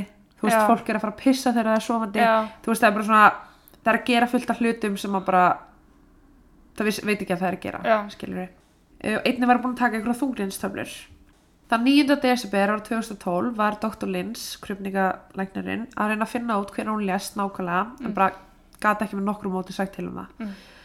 því að það voru náttúrulega liðnir þetta nýju tímar frá því hún fannst Mhm. þar til að hún var tekin á líkhúsið og enginn búin að sko snertana eða gera neitt en náttúrulega bara besta leiðin til að finna út þessa tímasetningu er hitast í líkamanns stípnun og að skoða lifrina en það var ekkert að því gert fötin hennar voru send til öðruglu og myndir voru teknar í krupningunni það sem að þau voru að gera var að skoða hvort tætti fötin hennar stemdi við áverkana sem hún var með. Sérst bara hvort að passaði að fötin hennar væru eins og þau væru með áverkana. Já. það voru tvær rifur á buksunum hennar sem fóru ekki gegnum efnið og bara passaði ekki neitt við áverkana sem hún var með. Nei. í raun bara eins og klór en samt ekki einnig þótti að skrítið að buksunar voru fyrir neðan hnið því að ef hún var að fara niður rennuna með fætur fyrst þá ætti þeir að dragast upp. Já. en ekki niður. Nei. og fóturinn hennar var gjörsanlega rifin af þannig að það er, mjög, er talið mjög ólíklegt að hún hafi verið að klæða sér sjálf á buksunum af hverju ætti hún að vilja raska því að fóturinn hennar er að detta af? Þú veist þannig að það er mjög af hverju hún var ekki klætt í. Spurningin er hvort hún hafi þá farið með buksuna niður á hæla niður rennuna eins og kannski einhver hafi uh, að það hefur verið átök hjá akkurat. og glasbrotnaða því einhver hefur tekið hana Mhm. og hendina þetta niður veit ekki, hún hefur kannski bara verið að klæða sig í uh, Ég er líka að hugsa, sko, hún fyrir fætuna fyrst niður. Ef maður tekur, þú veist, einhvern í bóndabögu, þá getur maður sett fætunar undan já og hendi niður. mm En einhvern veginn að maður myndi gera sjálfur, þú þurftir einhvern veginn að setjast upp á rennuna já, og snöðis og setja smegjar í hún glugga. já á þess að snerta eitthvað í kringu þig Já. Þetta, já, þú veist, að því að rennan er alveg sko þetta er ekki hérna niðri þannig að þú getur bara smegt inn og rendir Nei. eins og í rennubraut rennan er alveg uppi og þetta er alveg fimmleika vengar, sko. Já, og það er sko, það voru það voru gerða pröfur á því hvort þetta væri hægt Mm. og ég segi frá þér eftir Ok, ég bara, þetta var allt í hennu. Já, þetta er bara já. fyrst mér hugsaði um, Á þessum tíma sem að bara vera kröfjana og skoða og allt uh, var Ant að reyna að fá dán, dánabætur Mm. og notaði afsökununa að hann væri nánasti ættingi og þau hefur verið skráð í sambúð Var hann ekki fokkin ríku fyrir? Einmitt, hver á tilgangurinn Uh. Fadir hans, dómarinn George, skrifaði um reyðublaði hans til að styðja við kröfuna. E, vandamál er samt að George gaf ekki réttar upplýsingar en hann sæði í raun að þau hefur verið saman í sex mánuði lengur heldur en þau, eða, heldur en þau voru. Já. Þau voru saman í einhverja átjá mánuði og off en George bætti við sex mánuðum. Hvort hann hafi verið að gera til að reyna að láta umsjónu líta betur út Já. eða eitthvað, veit ég ekki. Heimskulegt að því það er eitthvað sem er bara að afsanna. Ég er bara Svona. mjög heimskulegt en það var aldrei gert Nei. Og endaði á því að fá 113.000 dollara Vá. sem er sérst bara dánabætunar sem að fjölskyldan á að fá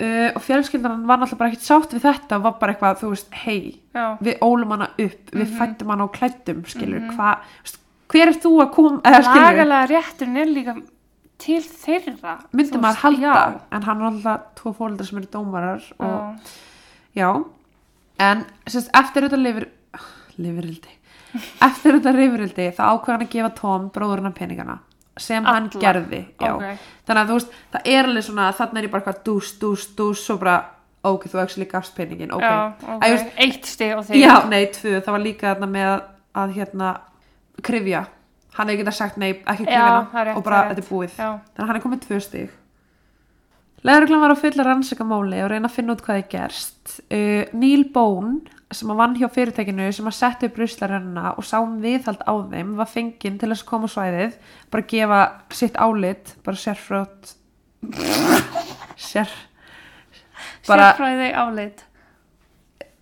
sérfrótt mat, hvað segir maður? Ekki sérfrótt að Nei, bara gefa sitt álit Sérfræðilega mat. Já, hann sagði að manneski að hennar stærð gæti passað þarna inn en bara fætina fara fyrst þú veist hann sagði bara að það Já. er ekki sens að hendunar getur fyrir undan sem ég skil samt ekki af hverju ekki. Ef þú kennst svona inn akkur gerstu þá ekki alveg svona inn eða þú veist ok. Já, ég skil það ekki. af því að hann veit ekki að hún að fóturinn á henni var nána stottin af þarna Já, skilur ok. þannig að hann á ekki að vera eitthvað ha, já, eða þú veist. Já, en hann sagði samt sem ára það meikaði ekki sens uh, í fyrsta leið þá var stillingin á automatic þegar hún fannst sem að þýðir að allt sem fer það niður er hakkað í marga bita og pressað þannig að það er ekki sens hún hefði lifað það af og ekki sens að einungis fóturinn hennar hafi verið skorin ok, eru við þá að tala um að einhver hafi breytt úr manuál í... Automatic. bara, já, það, Já. það hlýtur að vera af því að automatic er ekki þannig að þau eru bara eitthvað, nei býtu, þetta er manneska hættum þú Nei, veist, ég það er er bara hugsa, eru allt sem blöð- kemur er bara Já, en hvað eru blöðan á hverja einasta hæð eða bara í lokin? uh, blöðin eru, þú veist, hann að niðri Mm. en þetta er ekki bara eitt blað sem er svona og fer Nei. þú veist, þetta er alveg gert til þess að eh, það er tala um bara að hérna rust sem fer ruslið. inn Já. getur enda í 400 bitum Já, ok. Þú veist, þú ert kannski meina mjólkufernu já, Já. basically uh, þannig að hann sagði bara, þú veist, það hlýtur að hafa verið stilt á manual þegar Mm. hann fór það niður Mhm. sem að segir okkur að það hlýtur einhver að hafa breytt þessu hún er ekki inn í rennunni og breytir þessu Nei. enginn að ofan getur breytt þessu þú verður að breyta þessu inn í þessu herbyggi með því ít og taka Ok, en af hverju er bara eitt skurður á fætinum á henni? það passar við manual Já, ok. það passar hún hafa kannski fengið þú veist eitt högg á sig manual Já, automatic er bara já. allt sem kemur Númer tvö Eh, Það væri rosalega erfitt fyrir hann að fara hann í gegn á hans að skilja eftir fingur fyrir sín Það er bara ekki hægt. Það er ekki hægt Númer þrjú uh, Hurðin að þessu, þetta er svona eins og að fara með fötir auðvokrossgamin Þú liftir Já. og það lokar strax Þetta er ekki hægt Nei. Og þú veist, þetta er bara Þú draugur niður nema það að gormarnir eru þúsund sinnum spenntari sem að þýðir að þú þarft alveg að halda til að draga niður. Já, að þú sleppir þá bara bam. Þetta bara slammast tilbaka. Ok. það, veist, þetta er þannig gert að þetta aldrei nokkuð tíman getur þetta haldist opið af því þetta er náttúrulega fínt Já, og ruslaliktin á ekki að komast inn. Já, þannig að þetta er bara gormandir eru það þungir að þú þarft alveg þú getur til dæmis þú, veist, þú verður að nota eina hendi til að opna og hina til að já, setja. Þannig að þú þarft virkilega að halda hurðina opinni og til dæmis að þú sleppir og lókast mér hratt. Þannig að það var mjög erfitt fyrir hann að halda hurðina niðri klifra upp og þegar hún kemur er að renna í gegn þá væntalega myndi hurðin skellast á Já. eða fingurnar og hún var ekki með neina skrámur á fingrunum. Nei, og það er ómögulegt fyrir hana að renna sér í gegn af því að þetta mun alltaf lokast þegar hendurnar eru bara eftir, veist, þetta er bara svo smá. Já. og á þessu svæði var ekki neinir áverkar. Þetta er óbúslega sem þýðir að einhver hlýtur að hafa, geti, veist, hafa haldið hurðinni. Annað meikar bara ekki sens. Já um, sem sama dag og lauruglan var með þannig Níl heima á sér að kanna þetta þá fekk allt líki hennar afhend Já, Fóreldrar hann að tölu við lögfræng og allt samþykti að afhenda þeim líkið en sagði að hann myndi ekki gef, gefa upp stöðuna sína sem nánast ætningi. Hann sagði bara hér er líkið, ég skal gera allt fyrir ykkur mm. en ég ætla að vera skráður nánast ætningi. Ég skilja okkur það er svona mikilvægt fyrir honum þó hann hefði verið viðriðin málið. Af því hann tekur ákvörðun um allt. Já, Þú veist, hann tekur ákvörðun með þeir ákvörða að grafa hann aftur upp. Hann getur sagt nei. já, rétt. Þú veist, all, allar þessar hann í framtíðinni. Það liggur á honum. Já, Hann ok, hefur góða þær. Já, Uh, þann 7. desember postaði hann, sko, notabene, hún dó annan. já, Þann 7. desember postaði hann á Facebook For those who are around the world My partner Phoebe struggled terrible depression most of her life She took her life on Thursday to ease her pain to be at peace Memorial service will be in the next weeks Er hann, var búið að gefa út að, Nei, nei, nei, það er ekki búið að gefa út dánarsök, það er ekki búið að segja hún hafi fram í sjálfsmór, það er ekki búið að segja að þetta átti bara ekki með sagnamhætti, það er ekki búið að segja neitt, það er ennþá verið að rannsaka málið og hann fyrir hann á Facebook og bara, ég ætla bara að láta ykkur vita að kona mín framdi sjálfsmorð Mm. sem er ógeðslega skrítið ef að þú ert maki mm. og það er möguleiki á því, það er 50-50 á því að einhver hafi drepið hana meðan þú varst í vinnunni Mm þá myndir þú aldrei bara fá þetta í hausinn og bara ég ætla að segja öllum frá því að það hafi verið sjálfsmorð já, svipaði eins og þegar hann fór að tala við laurugluna og var bara eitthvað, já, hvernig lítur konaðin út mm -hmm. hún er þunglind, hann er búin að líða illa maður er eitthvað svona, af hverju þetta afsaka svona rosalega mikið Já. og koma því á framfæri hún hafi verið þunglind, hverju skiptaði máli akkur þarna Nei, Þann 8. des, daginn eftir, þá skrifaði hann tölvupóst til Len og Natalie, fóreldrannar og sérst í CC var Tom, Nikolai, Jeanette, George og Felicity Já. sem eru sérst for, bræður, fóreldrar, ömmur. Um, hann segir frá því að hann er mjög leiður yfir því að Len og Natalie voru sérst að reyna að fá next of kin Já. sem er bara nánast ættingi að þau var að reyna að fá það tilbaka af honum. Þau sérst hefðu sendt inn umsó bara hæ, við erum Já. halló, getur þú breytt svo hann frétti það og hann sagði bara vitið að ég er rosalega leiður yfir því að þau séu að reyna að taka þetta frá mér. Búhú. emitt og bara bla bla bla bla bla. Og hann sagði bara að þið hafi sett inn umsókn without the court courtesy of consulting me. Hmm. eins og hann hafi eitthvað með þetta að segja. Mm Mhm. uh, Það hefði hvort ekki breytt neinu, þau hefði alltaf sett inn umsóknuna, hvort sem að, já, mitt þú veist, og í rauninni þá sagði hann bara frá því að um, hann vildi ekki rífast yfir þessu en hann myndi permit Len and Natalie to organize funeral and make arrangement for cremation. Sest, hann segir við ykkur bara vitið það, mér þykir þetta ógislega leðilegt ég mjög sárið ykkur. Ég ætla að leif ykkur að sjá um jarða fyrir dóttir ykkar. Já. eins og hann sé að gera þeim greiða. Akkurat. bara félagi, ekki um neitt hátt ekki um neitt hátt.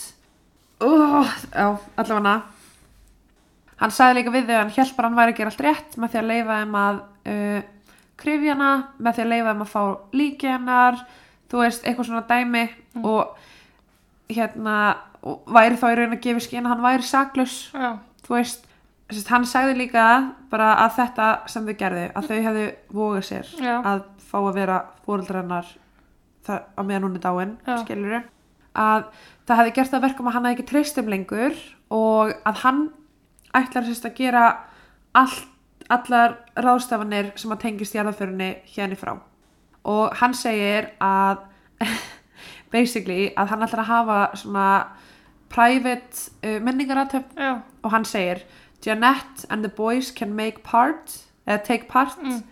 uh, but not the parents, you're not welcome what? já, þú veist bókstælega hann sitja svona Stjórnunar, já líka bara hann sitja þarna og hann er að fara að hafa minningaratöfn um dóttu þeirra og hann er bara að vitið það? Þeir særðu mig svo mikið með því að taka af mér þessar, um, eða reyna að taka þetta af mér þið fáðu bara ekki að koma. Hún er látin, þú veist, dröllaðir burt farðu bara eitthvað annað.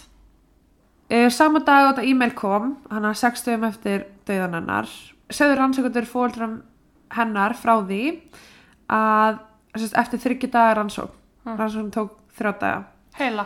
Heila þrjá daga. Jesús. að það væri ekkert aðtóvert í gangi og hún hefði fram í sjálfsmörð hún hefði farið ánga sjálf fólk gerir þetta dæla. Bara þetta gerist, fólk fremur sjálfsmörð bara já, ok. Það er að segja mig það að daglega fari fólk í gegnum ruslarannur í Ástralíu. já, þeir, þeir töluðu þannig við fjölskylduna. Þeir voru bara eitthvað veistu að þetta bara gerist. Já. það er bara ekkert sem við getum gert. Þetta er bara sjálfsmörð, hún bara valdi þetta sjálf. Og bara eitthvað, já ok þetta er bara akkurat, hún hefði getað hoppað fram á hæðinu sko. Ég hefði frekar skilið að stimpla þetta slís heldur en sjálfsvík, sko. uh Bara freak accident. Já, en þeir sem sagt byrja á því að segja þetta sér sjálfmóð. Já, það er skrítið. Já. Uh, Ammena sagði alltaf bara ekkert að það sem eitthvað sens, bara hún myndi aldrei gera þetta, þú veist það var ótrúlega mikið gangi í lífinar, hún elskaði fjölskylduna, þú veist, ok, Margt framöndan. vissi, já, hún vissi náttúrulega alveg að, að því hvernig allt var, Já, en það var margt framöndan, þú veist það voru þessi ammali, það var þessi Parísaferð og með það án and, þá hafði hún samt fjölskylduna sem var að fara að gera eitthvað skemmtilegt. Já, já. og Og hún var búin að ráðstafa svo miklu til að, Já, hún var búin að ráðstafa mjög miklu og líka bara þetta með að hún hafi augljóslega verið að gerast til heima þegar þetta gerðist. Mhm. þú, veist, þú ert ekki að sletta þér háru allt, hennu bara eitthvað nei, ég ætla að fara í gegnum ruslarennuna eða þú veist, bara meikar ekki sens það var sérst fundur hana tíunda förstu daginn tíunda desember. Um, og það var bara í raun gerður listi yfir þú veist hvað var gert og hvað var ekki gert. Hvernig rannsóknin var hvernig rannsóknum var ekki. En sérst afinnar var fyrrum lögreglumæður ok, hann vissi nákvæmlega hvað hvernig allt þetta virkaði. Já, og hann sérst fór bara gegnum hann lista. Og á þessum lista var bara að þeir fengu ekki eftirlýsmyndalar eða sérst Já. eftirlýsmyndbönd af öllu þessu. Þeir tóku ekki viðtal við fólki sem að vann í byggingunni. Uh, þeir tóku ekki tölvuna sem hún augljóslega var að nota ára hún dó. Já, þeir tóku hann ekki með sér, þú veist það var blóð um úrsanni hún var að gera eitthvað í tölvunni, var hann að googla degi í gegnum rennuna, já, skilur þú veist, þeir tóku ekki eins og tölvuna til að aðtöfa hvað var í henni. Uh, það var ekki það sem að þótti einkennilegast er að það var ekkert sjálfsmórsbref og þetta er kona sem að vakna daglega og skrifar í dagbækur og Akkurat. skrifar ljóð til vinkonu sinnar. Já, þú veist, þetta er listrann kona sem elskar að skrifa og hún skrifar ekki sjálfsmórsbref ef einhver skrifar sjálfsmórsbref þá er hún já, sko um, það, veist, það var ekki búið að tala við fólk sem að bjó í blokkinni veist, það var bara ekki búið að gera neitt. Nei, það var búið að taka fingraför fundust ekki neinn það var búið að taka hérna, svap af blóðinu og það var búið að taka hann í burtu. That's it. Og náttúrulega bara myndir. Já, en það er ekkert að fara að gagnast þér allt. Nei, þarf náttúrulega bara allt hitt líka. Um, þú veist, það var ekkert skoða með eins og með brotna glasið uh, og ég, þannig sé var ekkert skoða með blóðið í íbúðinni þegar fannst það ekkert sérkynlegt þeir hugsaðu bara að hún misti glas fór að taka það upp og skar sig. Og hefur bótt ekki tekið eftir að hún skar sig og bara var að lappum íbúðina? Mm, ekkert, þú veist, aðtóver sem þegar sem þeir fundu við það. Nema það náttúrulega, þú veist afinnar er bara eitthvað, herðu ok, hún gæti líka hafa mistað í, í átökum við Nákvæmlega. einhvern annan og vera að hlaupa um íbúðuna og þess vegna er blóð út um allt skiluru, að þeir skoði ekki allt og ekki neitt annan. A að því að þeir skoði ekki neitt annan heldur uh -huh. þá hljómar það svo mikið sem spilt já, lögreglaransó ég minna þeir eru út með tvo já, mjög virta dómara í samfélaginu sem að eiga þú veist það er ekki svona reynt að aðtöða neitt annað til að dreifa aðtöglinu frá allt heldur. Nei, og ég hef sko líka lesið það á reddit fólk sem að býra á þessu svæði og bjóða þessu svæði á þeim tíma. Já, veist, það veit alveg hver fóldra þessar manns eru. Veist, þetta er alveg bara hátt settir og mjög virtir eh, virtur, dómari og náttúrulega konan hans líka Já. í samfélaginu. Og samböndin eru bara rosalega mikil. Uh -huh. meira en maður getur gerð sig grein fyrir.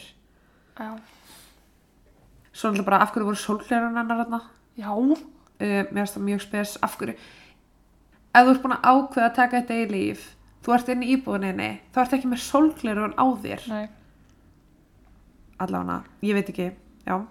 Ef að Ant tók iPhone hennar þannig að miðugdags morgunin þannig að gata hún eiginlega ekki sendt skilabóðin með þetta, með tómatsúpuna. Þannig að, já. Uh, og það var í raun ekkert skoða það líka nánar Janette, amman hennar var sérst, einhvern tímann með Ant og fóruldrum þeirra Mm. uh, eftir að hún lést. Já, þegar sérst hittust hvort það hafi verið minningaratöfna eða eitthvað slíkt. Ekki þessi hinn minningaratöfna því Já. að hún var haldin í sikkur lægi mm, þau sérst hittust eftir þetta. Og George, pabbi hans Ant, sagði við hennar Phoebe bara í svona casual samræðum bara eitt skiptið well, of course this was suicide. Bara she was a troubled girl. Oh. hello.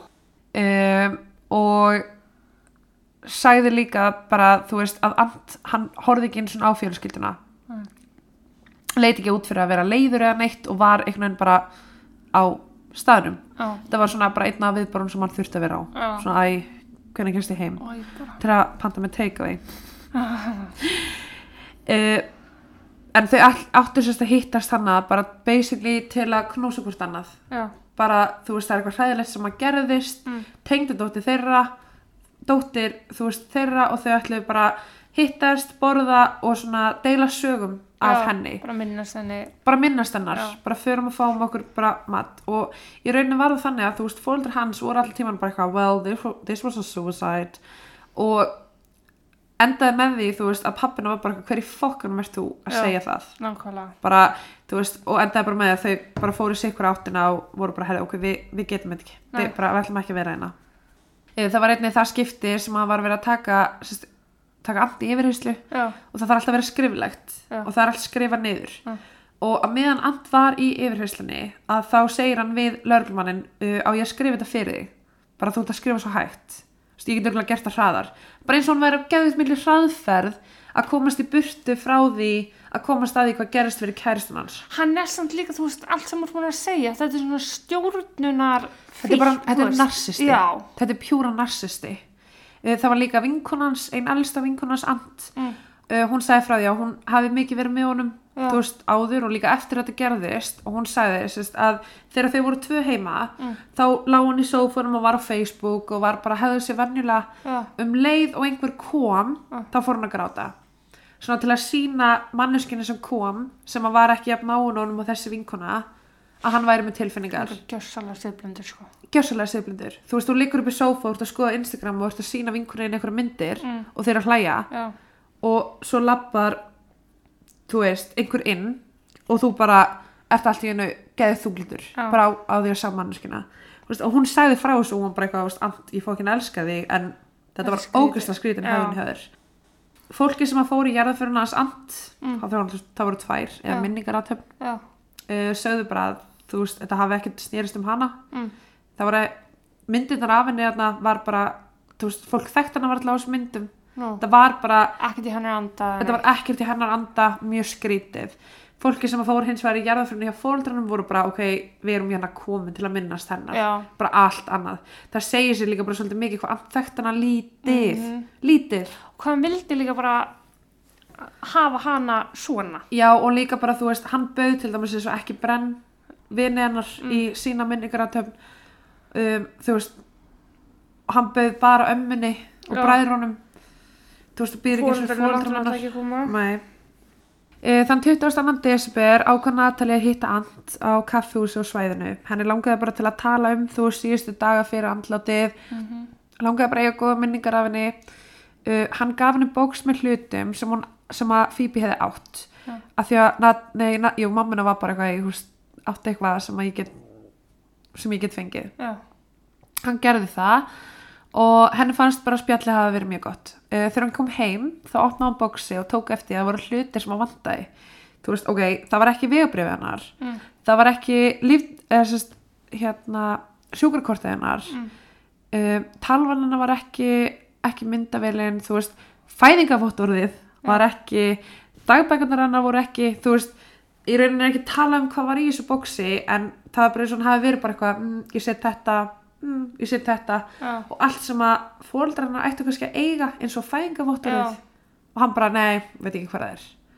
Þú veist, og dagbækur og eitthvað sem þau getur minnast eh, til að minnast dóttunar bara fengu þau ekki hendunar um, og hún alltaf bara hafði samband við hann og bara eitthvað, hei, þú veist uh, talvanannar, veskið. Alltaf mikilvæga. alltaf mikilvæga.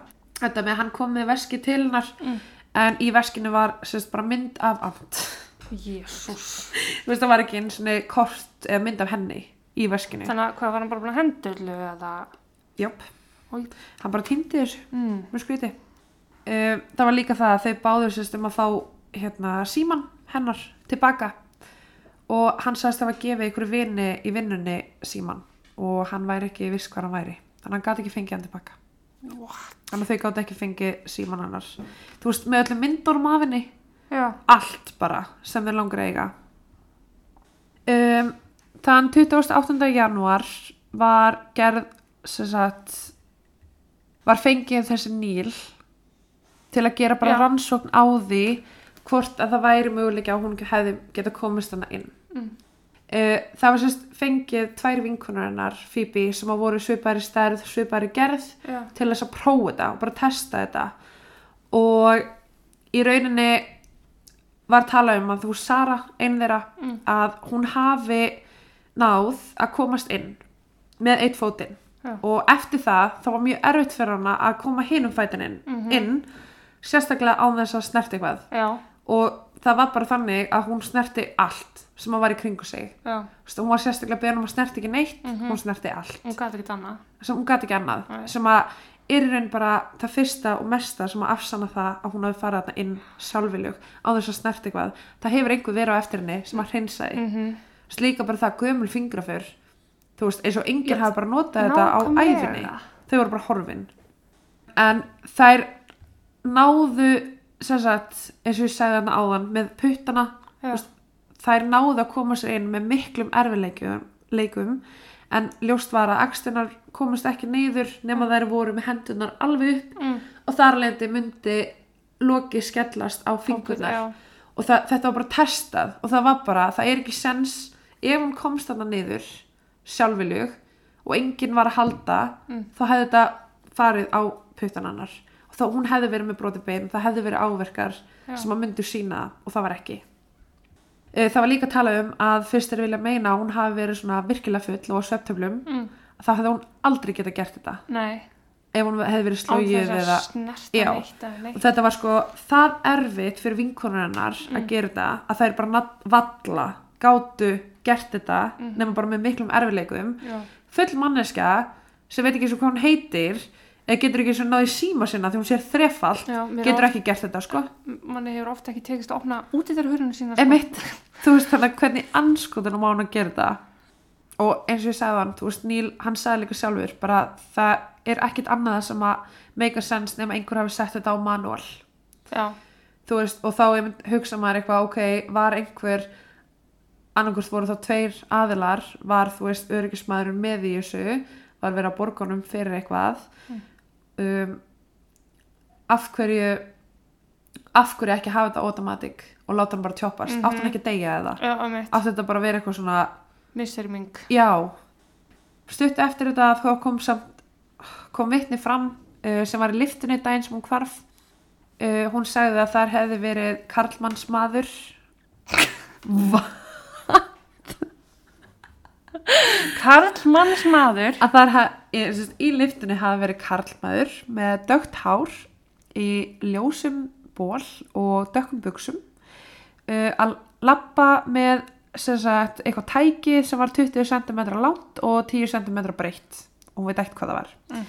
en hann sérst fór inn í hérna liftuna þetta var stutti fyrir klán fjögur daginn sem hún lest Já, Hann fór inn í liftuna og fór út á tóltu hæð án leikils og vitni sagði að hann hefði þá verið, það hefði verið opnað fyrir honum af einhverjum öðrum. já, Vitni sagði Erik frá þessu Mm. og Erik sagði lauruglunni en lauruglun var bara eitthvað, eh, pff, whatever, já þú veist. eins og með allt rannsókn Þetta er bara einhver, einhver gæi. Uh, en þá var einmitt hugsað, þú veist, getur verið að þessi maður hafi skadað hana, Já. hann er líka fór á tóltu hæð, það er Mhm. enginn sem veit hver hann er og af hverju var samt opnað fyrir honum, getur verið að hann hafi verið heimsækja Phoebe, getur verið að þetta hafi verið bara einhver, Getur verið að antafra leigumúringi já, þú veist maður bara, maður veit það ekki, Nei, uh, en í raun bara, hér er endurinn á þessum gæja, það er til mynda á honum, það er Já. ennþá verið að leita á honum, Mm. það er, þú veist, en það er bara, engin veit neitt og það er ekkert verið að gera neitt í því að finna hann þannig séð. Jú, það er búið að setja mynda á honum á netið sem er svona ömuleg CCTV, TV, TV, ömuleg eftirleismynd eða þú veist, meða við hvað þau voru rík og gáttu ekki fucking splest í betra kerfi, já, en ef þau ok. gotið splast í þessa ruslarennu þá hefði maður haldið að Maður hefði haldið að myndalega væri mitt líka. Top notch Já, um, það sem var líka skrítið er að vikum eftir hún dó, þá var sérst þessi gæi sem að vann með Ant, uh, Kristó, sem að hafi líka fengið hennar síma. Já, Uh, hann var sérst reglulega að fara að heimsækja Beth í vinnuna, sem að Beth sem að kom að Phoebe. já, En hún er alltaf tekið sér einhver vikur off, Mm. hún bara var í sjokki. Já. Og þegar hún kom aftur baki í vinnuna þá var hann þar með blómhandinni Mm. og var bara alltaf að mæta og hitt hana. Og svona eins og hann var að hugga hana. Og bara eitthvað, hver ert þú að koma hing, eða þú veist. What? Um, og eitt skipti sannleika við hana yeah, like Phoebe was depressed and Aunt did everything for her she couldn't be saved. She didn't want to be saved. Sem er bara mjög, mjög spes þú veist, það var svona eins og hann væri reyna heila þú hana. Bara hún var þunglind. En já, eins og segi, þessi Kristó þetta var bara gæskrítið með að hann var að heimsækja já líka þegar hann tengist ant. Hann tengist and en hann tengist þessu samt ekki raskat. Já, eins og segi, þá var þetta sett sem sjálfsmorð. Mm. fjölskylda vildi náttúrulega bara láta rannsaka þetta miklu meira. Já, það var sérst, það kostaði 60.000 dollara fyrir þau að í raun áfrýja málinu og eða, sérst, þau vildu meina að eitthvað annað hafi gerst heldur en sjálfsmorð. Já, það kostiði þau 60.000 dollara að, í raun að, já, að bara áfrýja málinu úr sjálfsmorði og líka það að það var mjög erfitt fyrir þau að því að fóreldrarnir fóreldrarnir hans and voru dómarar Já. það var mjög erfitt fyrir þau að finna eitthvað lögfræng sem hefði ekki verið í samskiptu við fóreldrar hans Já. áður eða staða ógnaf. já, Þeim. þú veist, að finna eitthvað sem var algjörlega óháður Já, og veit í raun ekki hver fóreldrar hans eru emitt. og það var sérst þannig að þau uh, fengu það í gegn sérst bara að lauruglan myndi skoða þetta aftur Já, um, og það var í raun skoða bara nákvæmlega sama nema það uh, í mars 2011 fengu þeir tölvuna hjá Ant já. tölvuna sem að blóðið hefði verið á Gerðu músinni tölvuna upptaka. Já, gerðu tölvuna upptaka. Uh, á þeirri tölvu var sem sagt engin ekkert history eða saga eða eitthvað What? frá tveimur mánuðum árum dó. Hmm. Allt sem hann var búin að skoða að gera í þessar tvo mánuði var horfið. Mm. Uh, af hverju? Það gerist ekki óvart. Einnig komist þér að því þá að í buksunum hennar fannst eitthvað svona miði Mm. sem var búið að brjóta saman uh, sem að var símanúmer með hjá einhverju sem heitir Tina Smith. Ok. og þeir að finna þetta sérst, sjö mánuðum síðar þegar það er verið að upp, eh, endur upptaka málinu þú veist, eða rannsókninni þá eru þeir að finna þennan miða hvað í fokkanum voru þeir að gera fram að því. einmitt uh, og þar er einhver þessi miði stendur Tina Smith og símanúmer en bara Tina Smith það var engin sem hétt það og það var ekkert heimilisfang og ekkert símanúmer það var bara eitt sem kom úr þessu Ah. uh, kannski hefði það gert, þú veist, daginn eftir hún dó Já. ég meina, þú veist Ekki sjö. Nei, Tina Smith er örgulega búin að láta loka númerinu sínu Já. skiluru um, en já það var einnig þú veist á upprænlegu krupningaskíslunni þá var þú veist eins og bara vantaði mikið um, og ég raun var eða bara sett veist, þetta var skrifað eftir höfðir sjálfsmórs Já. þetta var ekki skrifað eins og þetta var veist, það vantaði til dæmis eins og þarna á höfuð hennar Já. þarna marið og Mhm. það, það vantaði í skýsluna What? sem er mjög spes Mm. og sérstaklega ef þetta voru þín ein mistök sem læknir einnig var fundið út eða talað um að sérst, inn í hérna rennunni Já. var skítur væntalega, þetta er ekki þrifið skilur og það var talað um að hendurnar hennar hefði ekki verið skítuar Nú. Já, þannig að hún var ekki að reyna að stoppa sig Nei. í fallinu. Ætla hann hafi verið meðvitundalaus bara. Að því hún var með blæðinguna heila. Geti verið. Er sko talað um að hún hafi farið á um 85 km hraða niður. Þennan 30 metra, já, Það er bara, sem er sko miklu hraðar en ég held yfir höfuð. já, Að væri hægt. já. Af því að hún ávalla að passa inn í þetta, sko. 85 km hraða. Já. Um, svo er talað um þetta, þú veist, þetta mar á Já. höfukúpunni að það er bara mjög skrítið að þetta gerist í krupningu. Og ég er ekki krupningarlegnir en það er Nei. talað um það. Og ég er í raun bara að copy-pasta frá það sem fólk segir. Já, sko, já. Um, og það er líka, eins og ég segi, talað um að hérna þú veist, hún gæti hafa verið meðutundurlaus þegar hún var að falla hún- já.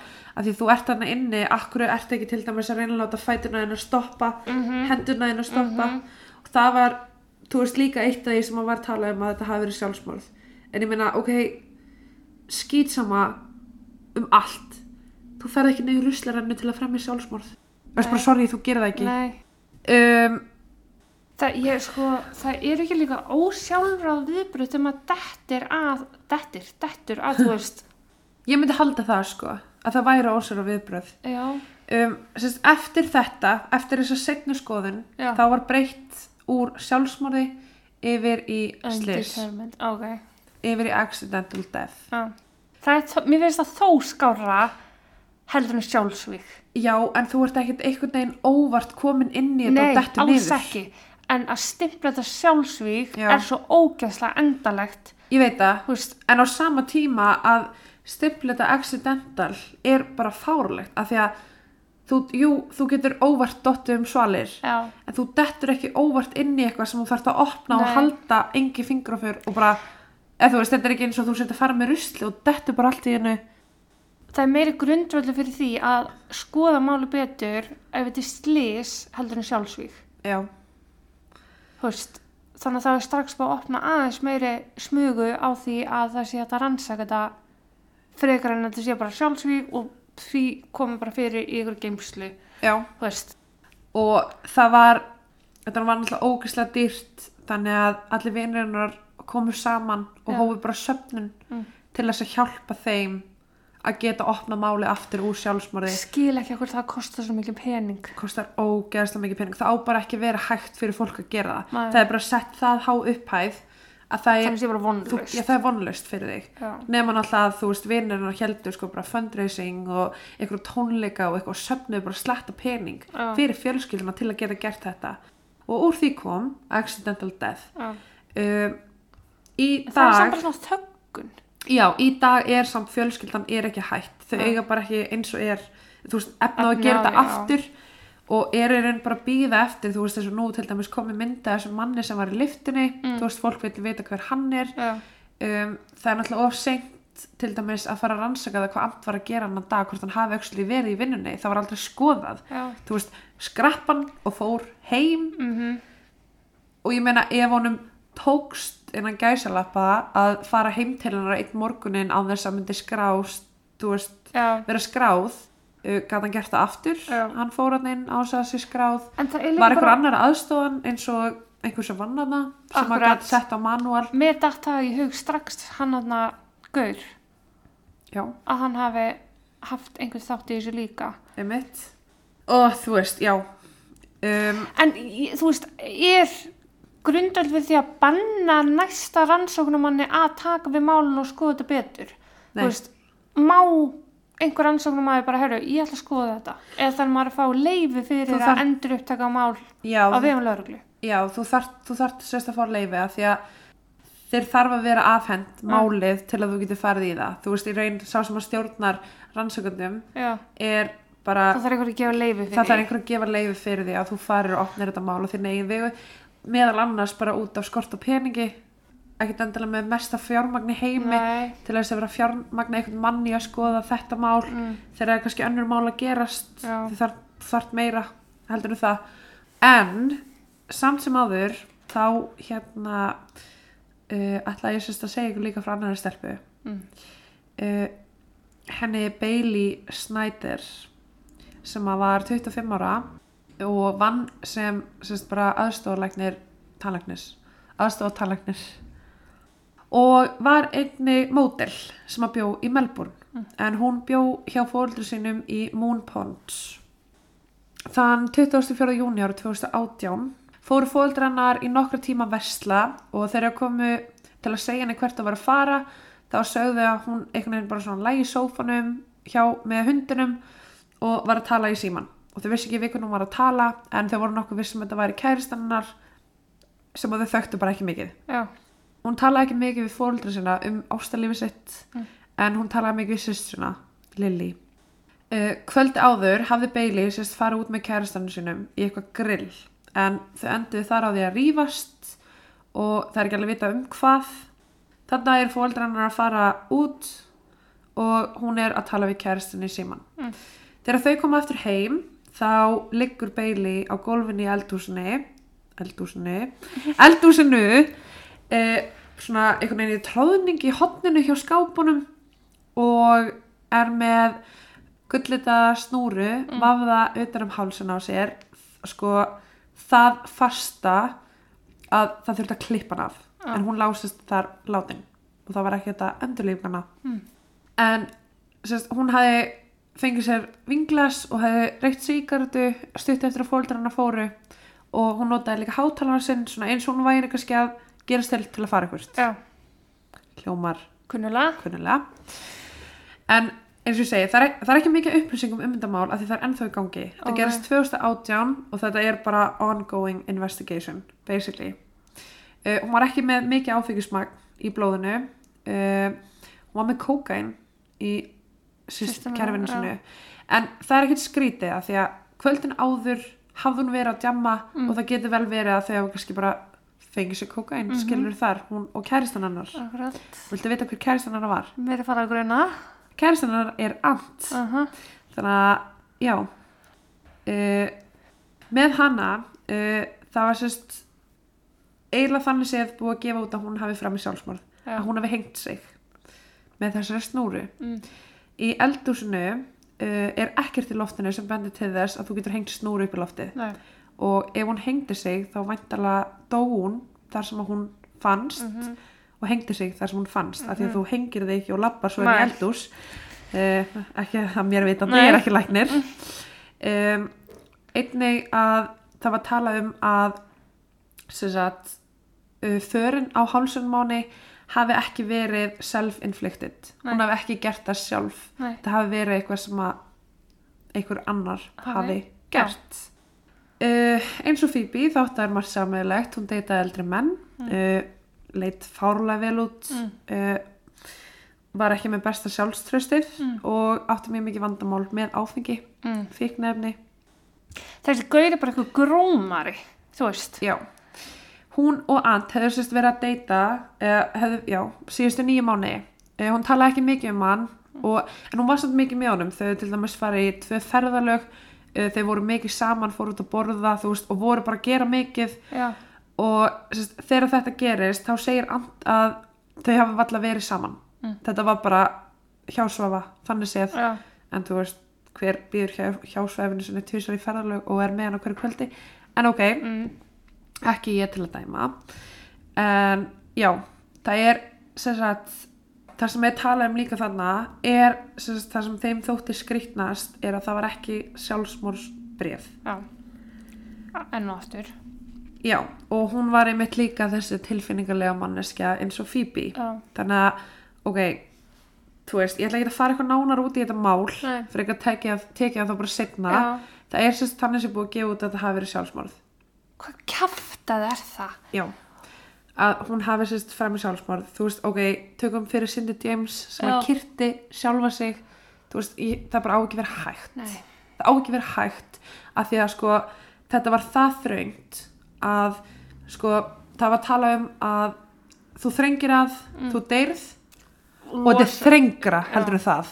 Þú veist, þetta er, þetta er komið yfir mörkin að þú getur ekki ef fattur um mig. Þú missir einhverjum já, meðvitund. þú missir einhverjum tímabúti meðvitund og sleppur takinu. Já. þá er þetta þröngt en þetta var sko miklu þrengra en það. Það var ekkert að taka af nema bara klippa nánast sko inn í. Mhm. og það er eitthvað sem hún á bara ekki geta gert. Nei. en þetta er ennþá í gangi þetta mál. Og það er bara eitthvað við það að eigi tvær kærustur sem að deyja á er fullan hátt báðar sjálfsmorð það Og er þú veist- ekki tilviljun sko. Og fóreldrar hans eru dómarar þannig að maður er bara eitthvað svona oh, já, þú veist, get ekki. Nei.